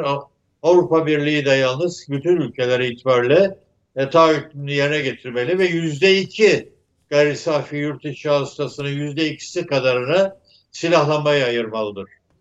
E, bu esas itibariyle ilk e, Almanya'da e, bir karşılık buldu ve bugüne kadar silahlı kuvvetleri e, sayıca var olan ama gerçekten savaşkan olabilme e, yönüyle baktığımız zaman var olmayan bir Almanya bugün tekrar silahlanma yarışında ön plana çıkmayı Avrupa'da kabullenmiş durumda. Ee, ama Avrupa'ya bir bütün halinde baktığınız zaman bunun bir kıymet harbiyesi yok efendim. Ben Paris'te büyükelçiyken e, Genelkurmay Başkanı'nın Fransa o zaman işte bizim de e, bu e, e, savaş vardı, Irak Savaşı vardı. E, o dönemlerde konuşuyoruz. E, Adam yazın bana söylediği orgeneralin çok net şuydu. Yahu dedi bizim 135 bin askerimiz var. Evet iyi eğitilmiştir. Bunların neredeyse yarıya yakın kısmı Afrika'da vesairede bulunuyor. Ee, bizim nükleer silahımız e, Avrupa Birliği'nde tek ülkeyiz. O zaman İngiltere'de vardı ama şimdi tek ülkeyiz bu manada. Yani bizim bir askeri güç olarak baktığınız zaman dedi ee, öyle kendimizi koruyabilecek, güvenlik sağlayabilecek bir kabiliyetimiz elbette olabilir ama bunun ötesine geçebilecek bir e, durumda olduğumuzda söylemek mümkün değil. Sovyetler Birliği bu manada çok ciddi bir tehdittir bunun için. E peki dedim niçin NATO'ya da karşı çıkıyorsunuz? Nükleer silahımız olduğu için De Gaulle politikası kapsamında kendimize savunabileceğimize inanıyoruz dedim. Şimdi efendim o günden bugüne geldiğiniz zaman Avrupa daha da zayıflamıştır. İlk kez 1954 yılında Fransızlar bir Pleven planı diye bir plan ortaya attılar. Sonra gene kendi parlamentolara bunu ortaya attı. Gene onlar engellediler. Bugüne kadar iki defa bir e, askeri e, güç olaraktan, ortak güç olarak ki bizim bu arada Lille bölge, bölgesinde e, bulunan kuvvetin içinde bizim subaylarımız da vardı bir dönem. E, o zaman bir BAP diye adlandırdığımız e, bir politikanın parçasıydı bu. E, biz oralara gittiğimiz zaman bir kol ordu dahi değildi. Ama her ülke kendini ön plana çıkararak benim dediğim olur, ben daha üstünüm havasında işe yaklaşmaktaydı. Orada bir ortaklık da yoktu. Bugün iki ülkede sadece nükleer başlığı vardır Amerika'nın. Biri Frankfurt'ta Almanya'nındır efendim. Almanya'da Amerika'nın. İkincisi de Türkiye'de İncirlik'tedir. Peki. Bunun ötesinde baktığınız zaman Amerika'nın desteği olmadığı takdirde Almanya dahil hiç kimse şuradan şuraya kıpırdayıp savaşa gidebilecek kabiliyete sahip değildir. Onun için Rusya ile savaşacakmış, işte şu olacakmışlar. Bunu Avrupa Birliği'ne öyle tamamlayayım müsaade ederseniz. Bu da e, önemli ve ilginç bir bilgidir. Şimdi Avrupa Birliği ben seni alacağım dedi. Aday ülke olarak kabul ettim. E ben de adayım. 2004 yılından bu yana müzakere içinde olan aday ülkeyim. Bir yere gidiyor muyum? Ben size iddiayla söylüyorum. Bu da sadece bir psikolojik harekattır. Ve Rusya'ya dönük olarak dikkat buyur aday ülkemizdir. Üstüne gelme demektir. Ama o girebilir mi Ukrayna mevcut koşullarda? Hayır giremez. Peki. En az 5 yıl sürer bu. En az 5 yıl. NATO'dan da vazgeçtiğiniz Zelenski geçen gün açıkladı efendim. Dolayısıyla bir bütün halinde bakıldığında e, böyle bir savaştan falan söz etmek mümkün değil. Ama şunu söyleyerek tamamlayayım sözümü. Bugün dünyada 21. yüzyılın başından itibaren bir savaş zaten var. Buna vekalet savaşı da diyoruz. Orada aslında başaklar savaşıyorlar. Savaştırdıkları da vekalet yoluyla oradaki piyonlar farklı şeyler. Onlar ölüyorlar, gidiyorlar. Ve bu arada bu teknolojik gelişme, bu dijitalleşme ve bu otomasyon çağında herhangi bir savaş dünyanın sonu, sonu olur. Dolayısıyla unutmayın ki Rusya İran'a nükleer silah edinmemesi hususunda Amerika ile işbirliği yapmayı dahi kabul edebilmektedir. Geri kalanında hepsi lafı güzaftır. Konuşuyorlar ama fiiliyata intikali mümkün olmayan konuşmalardır bunlar. Nedim Şener Olan aslında, bize oluyor bunu düşünmek lazım. Çok sağ olun efendim. Ee, aslında Zelenski'nin de e, Ukrayna'ya yönelik saldırı başlatıldıktan itibaren o Avrupa'nın gücünü tam anlamıyla arkasında hissetmediği anlara tanıklık ettik biz. Nitekim destek çağrısını yinelediğinde de e, çok fazla ses çıkmadığını gördük Avrupa Birliği'nden. Yani konu Rusya ile ilgili temel konular olduğunda işte önce Ukrayna'yı cezalandırmayı bıraksın Rusya gibi duyuyoruz. Fakat hani yardımcı olunması işte Uluç Bey'in söylediği olası bir savaşa hazırlık gerekirse şunu yaparız meydan okumasının da lafı güzaftan ibaret olduğunu da görüyoruz. Ee, bunun sebepleri konusunda fikrin şimdi, nedir? E, şimdi ben bir kitaptan bahsederim sürekli. Ee, Amerika'nın ölümcül, ölümcül e, ihracatı demokrasi diye. O kitabın girişinde William Hurt'un rahmetli, rahmetli diyelim ölmüş bir gazeteci. Amerikan dış politikasının gizli hiçbir yönü yoktur diye yazar. Tamam Şimdi bak Mesela Türkiye'ye yönelik Amerika'nın politikasını 2019'da New York Times e, toplantısında, editörlerin toplantısında Biden açıkladı. Artık bunu hiç yani şöyle her toplan her programa bunu koyalım.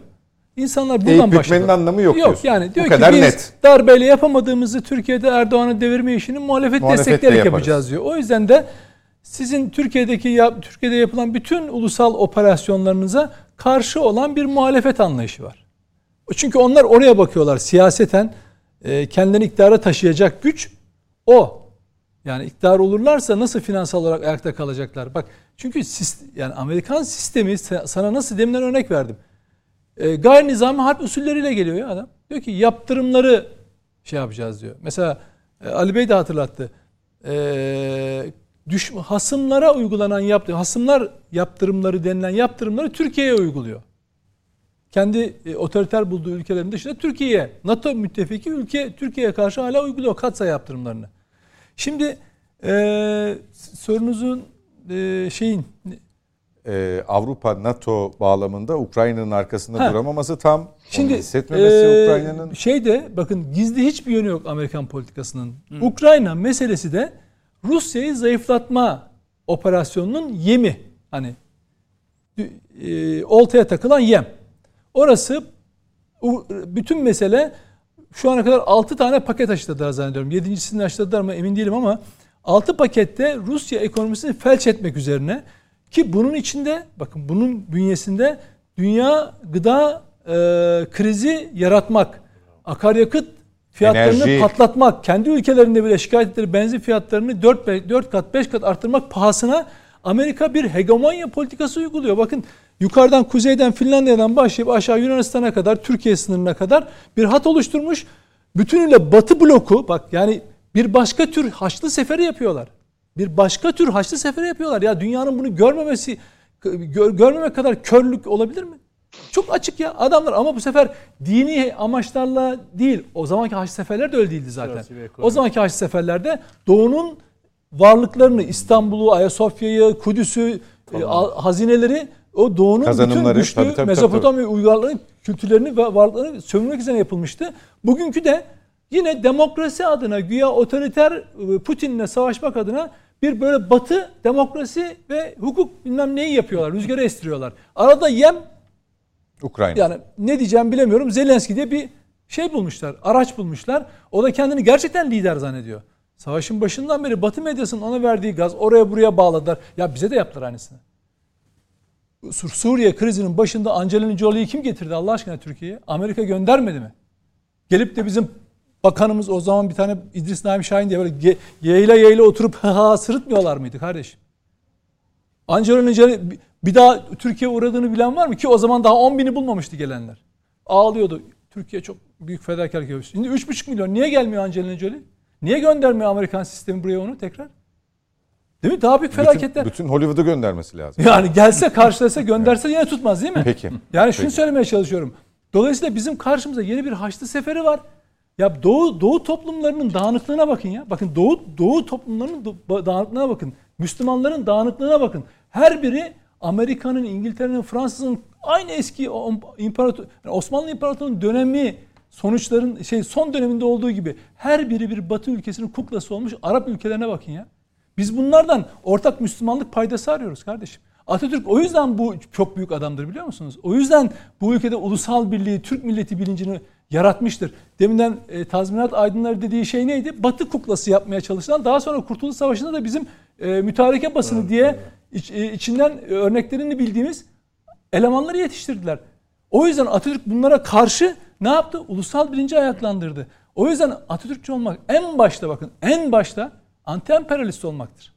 Batıya karşı olmaktır. Var mı bir tane Atatürk'ün e, batı batı şeyi ülkelerine gidişi? İşgal etmek istediği Yunanlıların Yunanlıların e, teşvik ettiği İngilizler değil mi? İngiliz kralını nasıl karşıladı? Bak o fotoğraf o kadar beni böyle heyecanlandırır ki Atatürk Mondros mütarekesi imzalanmış. Şeyden geçiyor Haydarpaşa Garı'ndan zırhlıların arasından geldikleri giderler. Gönderiyor da Türk milletiyle beraber değil mi? Zırhlıları da gönderiyor. Sonra İngiliz kralı nasıl geliyor? Bir tane kayığa binmiş. Dolmabahçe sahilinde Atatürk elinden tutarak onu çıkartıyor. Bak o fotoğraf öyle çok anlamlı bir fotoğraftır biliyor musun? Hani gelsene büyük yatınla bir şeyinle o kıyıya yanaşsana. Bir tane sandalla geliyor. Sandalda da Atatürk elinden tutup çıkarıyor onu. Öyle büyük bir millet, öyle büyük bir liderden bahsediyoruz. O yüzden bizim, bakın bizim bu o, oynanan oyunu, bak yine 15 Temmuz'a referans vermemin nedeni şu hocam. 15 Temmuz şaka bir olay değil. 15 Temmuz çok büyük bir ihanet gibi bu Türk milletinin yüreğindeki o bağımsızlık ateşini açığa çıkaran olaydır. Şimdi biz bunu tarihsel olarak doğru yere oturtamadığımız için bugün hala kendini ulusal böyle bir yerlerde gören Atatürk'ün diye e, gören bir takım zatlar var. Dar, darbeye kontrol darbe Bu işe öyle bakmıyorlar. Ama Kurtuluş Savaşı'nı veren de bu ciğerli milletti biliyor musunuz? 15 Temmuz'da sokağa çıkanlardı. Onlar değil. Müezzin döverek Türkiye'de hukukçu, demokrat, şey, hukuk adı, insanı veya demokrat olunmaz. Ee, özgürlükler öyle savunulmaz. Çıkıp darbe tankın önüne çıkarsın, yatarsın, tekrar kalkarsın, bir daha yatarsın. F-16'ya terlik fırlatırsın. İçinden gelen enerjiyle yaparsın bunu. O yüzden bunları toparlarsanız, toparlanırsa Türkiye'nin bu bu olayı dünyaya anlatış biçimi bizim bakmayın Türkiye Cumhuriyetlerde falan hani şey oluşturduk Türk Cumhuriyetleri devletleri falan filan. Ya adamların gerçekten tarih okumaları falan şey değil. Çünkü beyinler o Sovyet döneminde başka hale getirilmiş. Adamlar nereye yalpalayacaklarını bilmiyorlar. Öyle de kalmış. Öyle, o yüzden bizim biz burada hakikaten e, hani Avrasya'ya Avrasya'ya siz örnek verdiniz. E, Avrasya'ya hakim olan dünyaya hakim olur var ya. Türkiye şu oynadığı rolü bu denge pozisyonu çok zor. Ve Türkiye bakın bu bir yıllık seçim sürecinde çok fazla atak yaşayacak. Çok fazla saldırıya uğrayacak. Kesinlikle. İç kaosa yönelik hem ekonomik hem yaptırımlar yönünden müttefikleri tarafından, NATO tarafından bak söylüyorum. Yapılacak çünkü Türkiye'deki siyasi pozisyonun daha doğrusu onların ekonomik çıkarlarının öncelenmesi için onların istediği insan tiplerin iktidara gelmesi için bu operasyonlar Batı emperyalizmi için geçerli. Bu yakalanan Muhammedler var ya İçimizdeki Müslüman görünümlü casuslar onlara dikkat edelim. Gazeteci kılıklı casuslara dikkat edelim. Etki ajanlarına dikkat edelim. Akademisyenlere dikkat edelim. FETÖ'cülere dikkat edelim. İçimizde ne varsa pislik hepsini arındıralım hocam. Peki. Ee, Sayın Paşam e, son sözü size bırakacağım. Ali Bey de zannediyorum birkaç bir şey e, söylemek ister ama iki dakika, ikişer dakika verebileceğim. Ee, soru formatına getirmeden Avrupa Birliği, NATO, Rusya ve Ukrayna. 20 saat falan lazım. Önce şunu söyleyeyim ben. Ee, sayın Sayın Nedim Şener'in söylemiş olduğu konu bu 15 Temmuz'la ilgili 2016 konusunda. Ee, Kandil diyor ki çok büyük bir fırsatı kaçırdınız. O gün taarruz et, etseydiniz Suriye'den şeye e, Kürtlere e, şimdi diyor e, güne, güne, güne, güneyi almış olurdunuz. diyor. Evet. Bir devletimiz Yani onun var. için e, gerçekten çok ciddi çok ciddi bir olay. Yani öyle basit bir olay değil e, 15 Temmuz olayı. Onu e, bir daha bir daha bakmamız, incelememiz lazım. Şimdi e, evet ben yani e, Ukrayna Savaşı biliyoruz. Rusya ile e, Amerika'nın savaşı. Hatta Doğu ile Batı'nın savaşı. Yani açık ve net olarak iki Doğu ülkesi e, şey e, Çin ve e, Rusya şunu söylüyorlar. Diyorlar ki kardeşim biz bu düzeni kabul etmiyoruz. Bu düzen 1945'ten sonra yapılmış bir düzen ve tamamen Batı'nın Amerika'nın lehine para re- rezerv para dahil olmak üzere her şey lehine. Dolayısıyla bunun değişmesi lazım. Biz de güçlüyüz, biz de üretiyoruz. Hatta zaman zaman işte yine söylendiği gibi Çin'de e, Çin'den çok daha e, e, şeyden çok daha fazla üretiyoruz Amerika'dan, Batı'dan. Zaten şu anda Batı ile Çin iç içe geçmiş durumda. Amerika'nın zorluklarından birisi de o. Onu çıkartıp kopartamıyor aradan. O hayat dama hayat damarları bir şekilde bağlanmış. Nefes borusu Çin'e bağlanmış vaziyette. Öyle bir sıkıntı var. Şimdi e, tabii durum böyle olunca, durum böyle olunca Amerika Birleşik Devletleri bu savaşı çıkartmak suretiyle öncelikle Rusya'yı bertaraf etmeye çalışıyor. E, göreceğiz yani e, şey olduğu zaman e, yarınki ya öbür, öbür günkü NATO toplantısında büyük ihtimalle Rusya bir, bir tehdit, Çin bir tehdit olacak. Bir de sanırım siber e, tehdidi ortaya koyacaklar.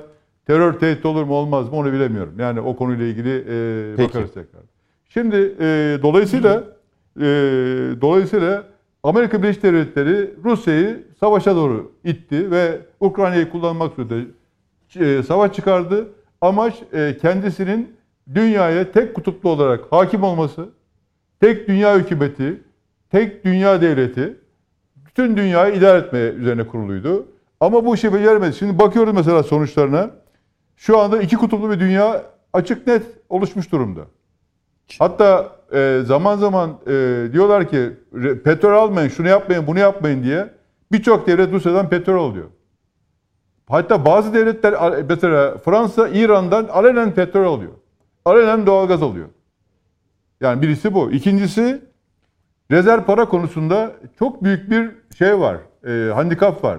Şimdi insanlar e, şeyle rubleyle diğer kendi paralarıyla e, şey alıyorlar. E, alışveriş yapıyorlar. Ve rezerv para olarak onları kabul ediyorlar.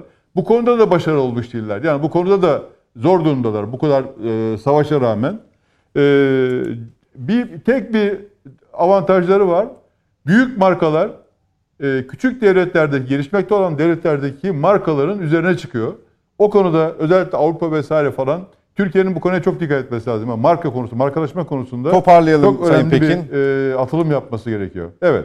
Ben e, şöyle söylüyorum. Amerika Birleşik Devletleri istese de istemese de yani e, daha fazla da nükleer silah dağıtsa e, şey bitmiştir. Yani onun e, tek kutuplu dünya düzeni bitmiştir. Peki. Bu dünya düzeni ya iki kutuplu olacak ya üç kutuplu olacak. Ve e, yeni baştan Birleşmiş Milletler dahil yeni baştan bütün her şey düzenlenecek diye değerlendiriyorum. Ali Bey Bir bir savaş çıkıyor mu? Yoksa zaten savaşta mıyız? İkisi de var. Bence savaş çıkmıyor fakat savaştayız. Çünkü öyle büyük dünya savaşları falan artık dünyada pek olacağını zannetmiyorum ben. E, Paşam da öyle dedi. Büyükelçi de, Sayın Büyükelçi de aynı şeyi söylediler. Fakat burada Amerika'nın ve de işte emperyal güçlerin, küresel emperyal güçlerin bölgeyle ilgili ne düşündüklerini anlamak için çok uzağa gitmeye gerek yok. E, Ana Muhalefet Partisi partimizin sayın liderinin çok net olarak ifade ediyor bunu. E, diyor ki çok net e, şeyde 180 derece. 180 derece. Evet. Yani bu şu anda iktidarın yaptığının 180 derece tersini yapacağız diyor iktidara gelince. Ne demek? Özetleyecek olursak Doğu Suriye'den Akdeniz- çıkacağım. Doğu Suriye'den Akdeniz'den çıkacağım. çekileceğim. Doğu Akdeniz'den çekileceğim. Efendim işte e, Yunanistan'ın 10 e, mil e, hava e, sahasını kabul edeceğim. Efendim Rusya'ya şey uygulayacağım, yaptırım uygulayacağım. Ukrayna'ya destek vereceğim, bedava SİHA MİHA vereceğim. Efendim Azerbaycan'la ilişkilerimi biraz Askıya alacağım. askıya alacağım, Ermenistan'ı destekleyeceğim falan. Yani bu kadar net. İşte bunu Türkiye'ye çizilen, çizilmiş olan ve Türkiye'nin bir, bir kesinlikle kabul etme niyetinde olmadığı Rol. e, rol bu. Türkiye biçilmiş olan e, önümüzdeki dönemde küresel güçlerin çizdiği rol bu. Bunu da açıkça bizim ana muhalefet partisi liderimiz söylüyor zaten. Büyük tahlillere ve böyle yaratıcı çalışmalara falan gerek yok.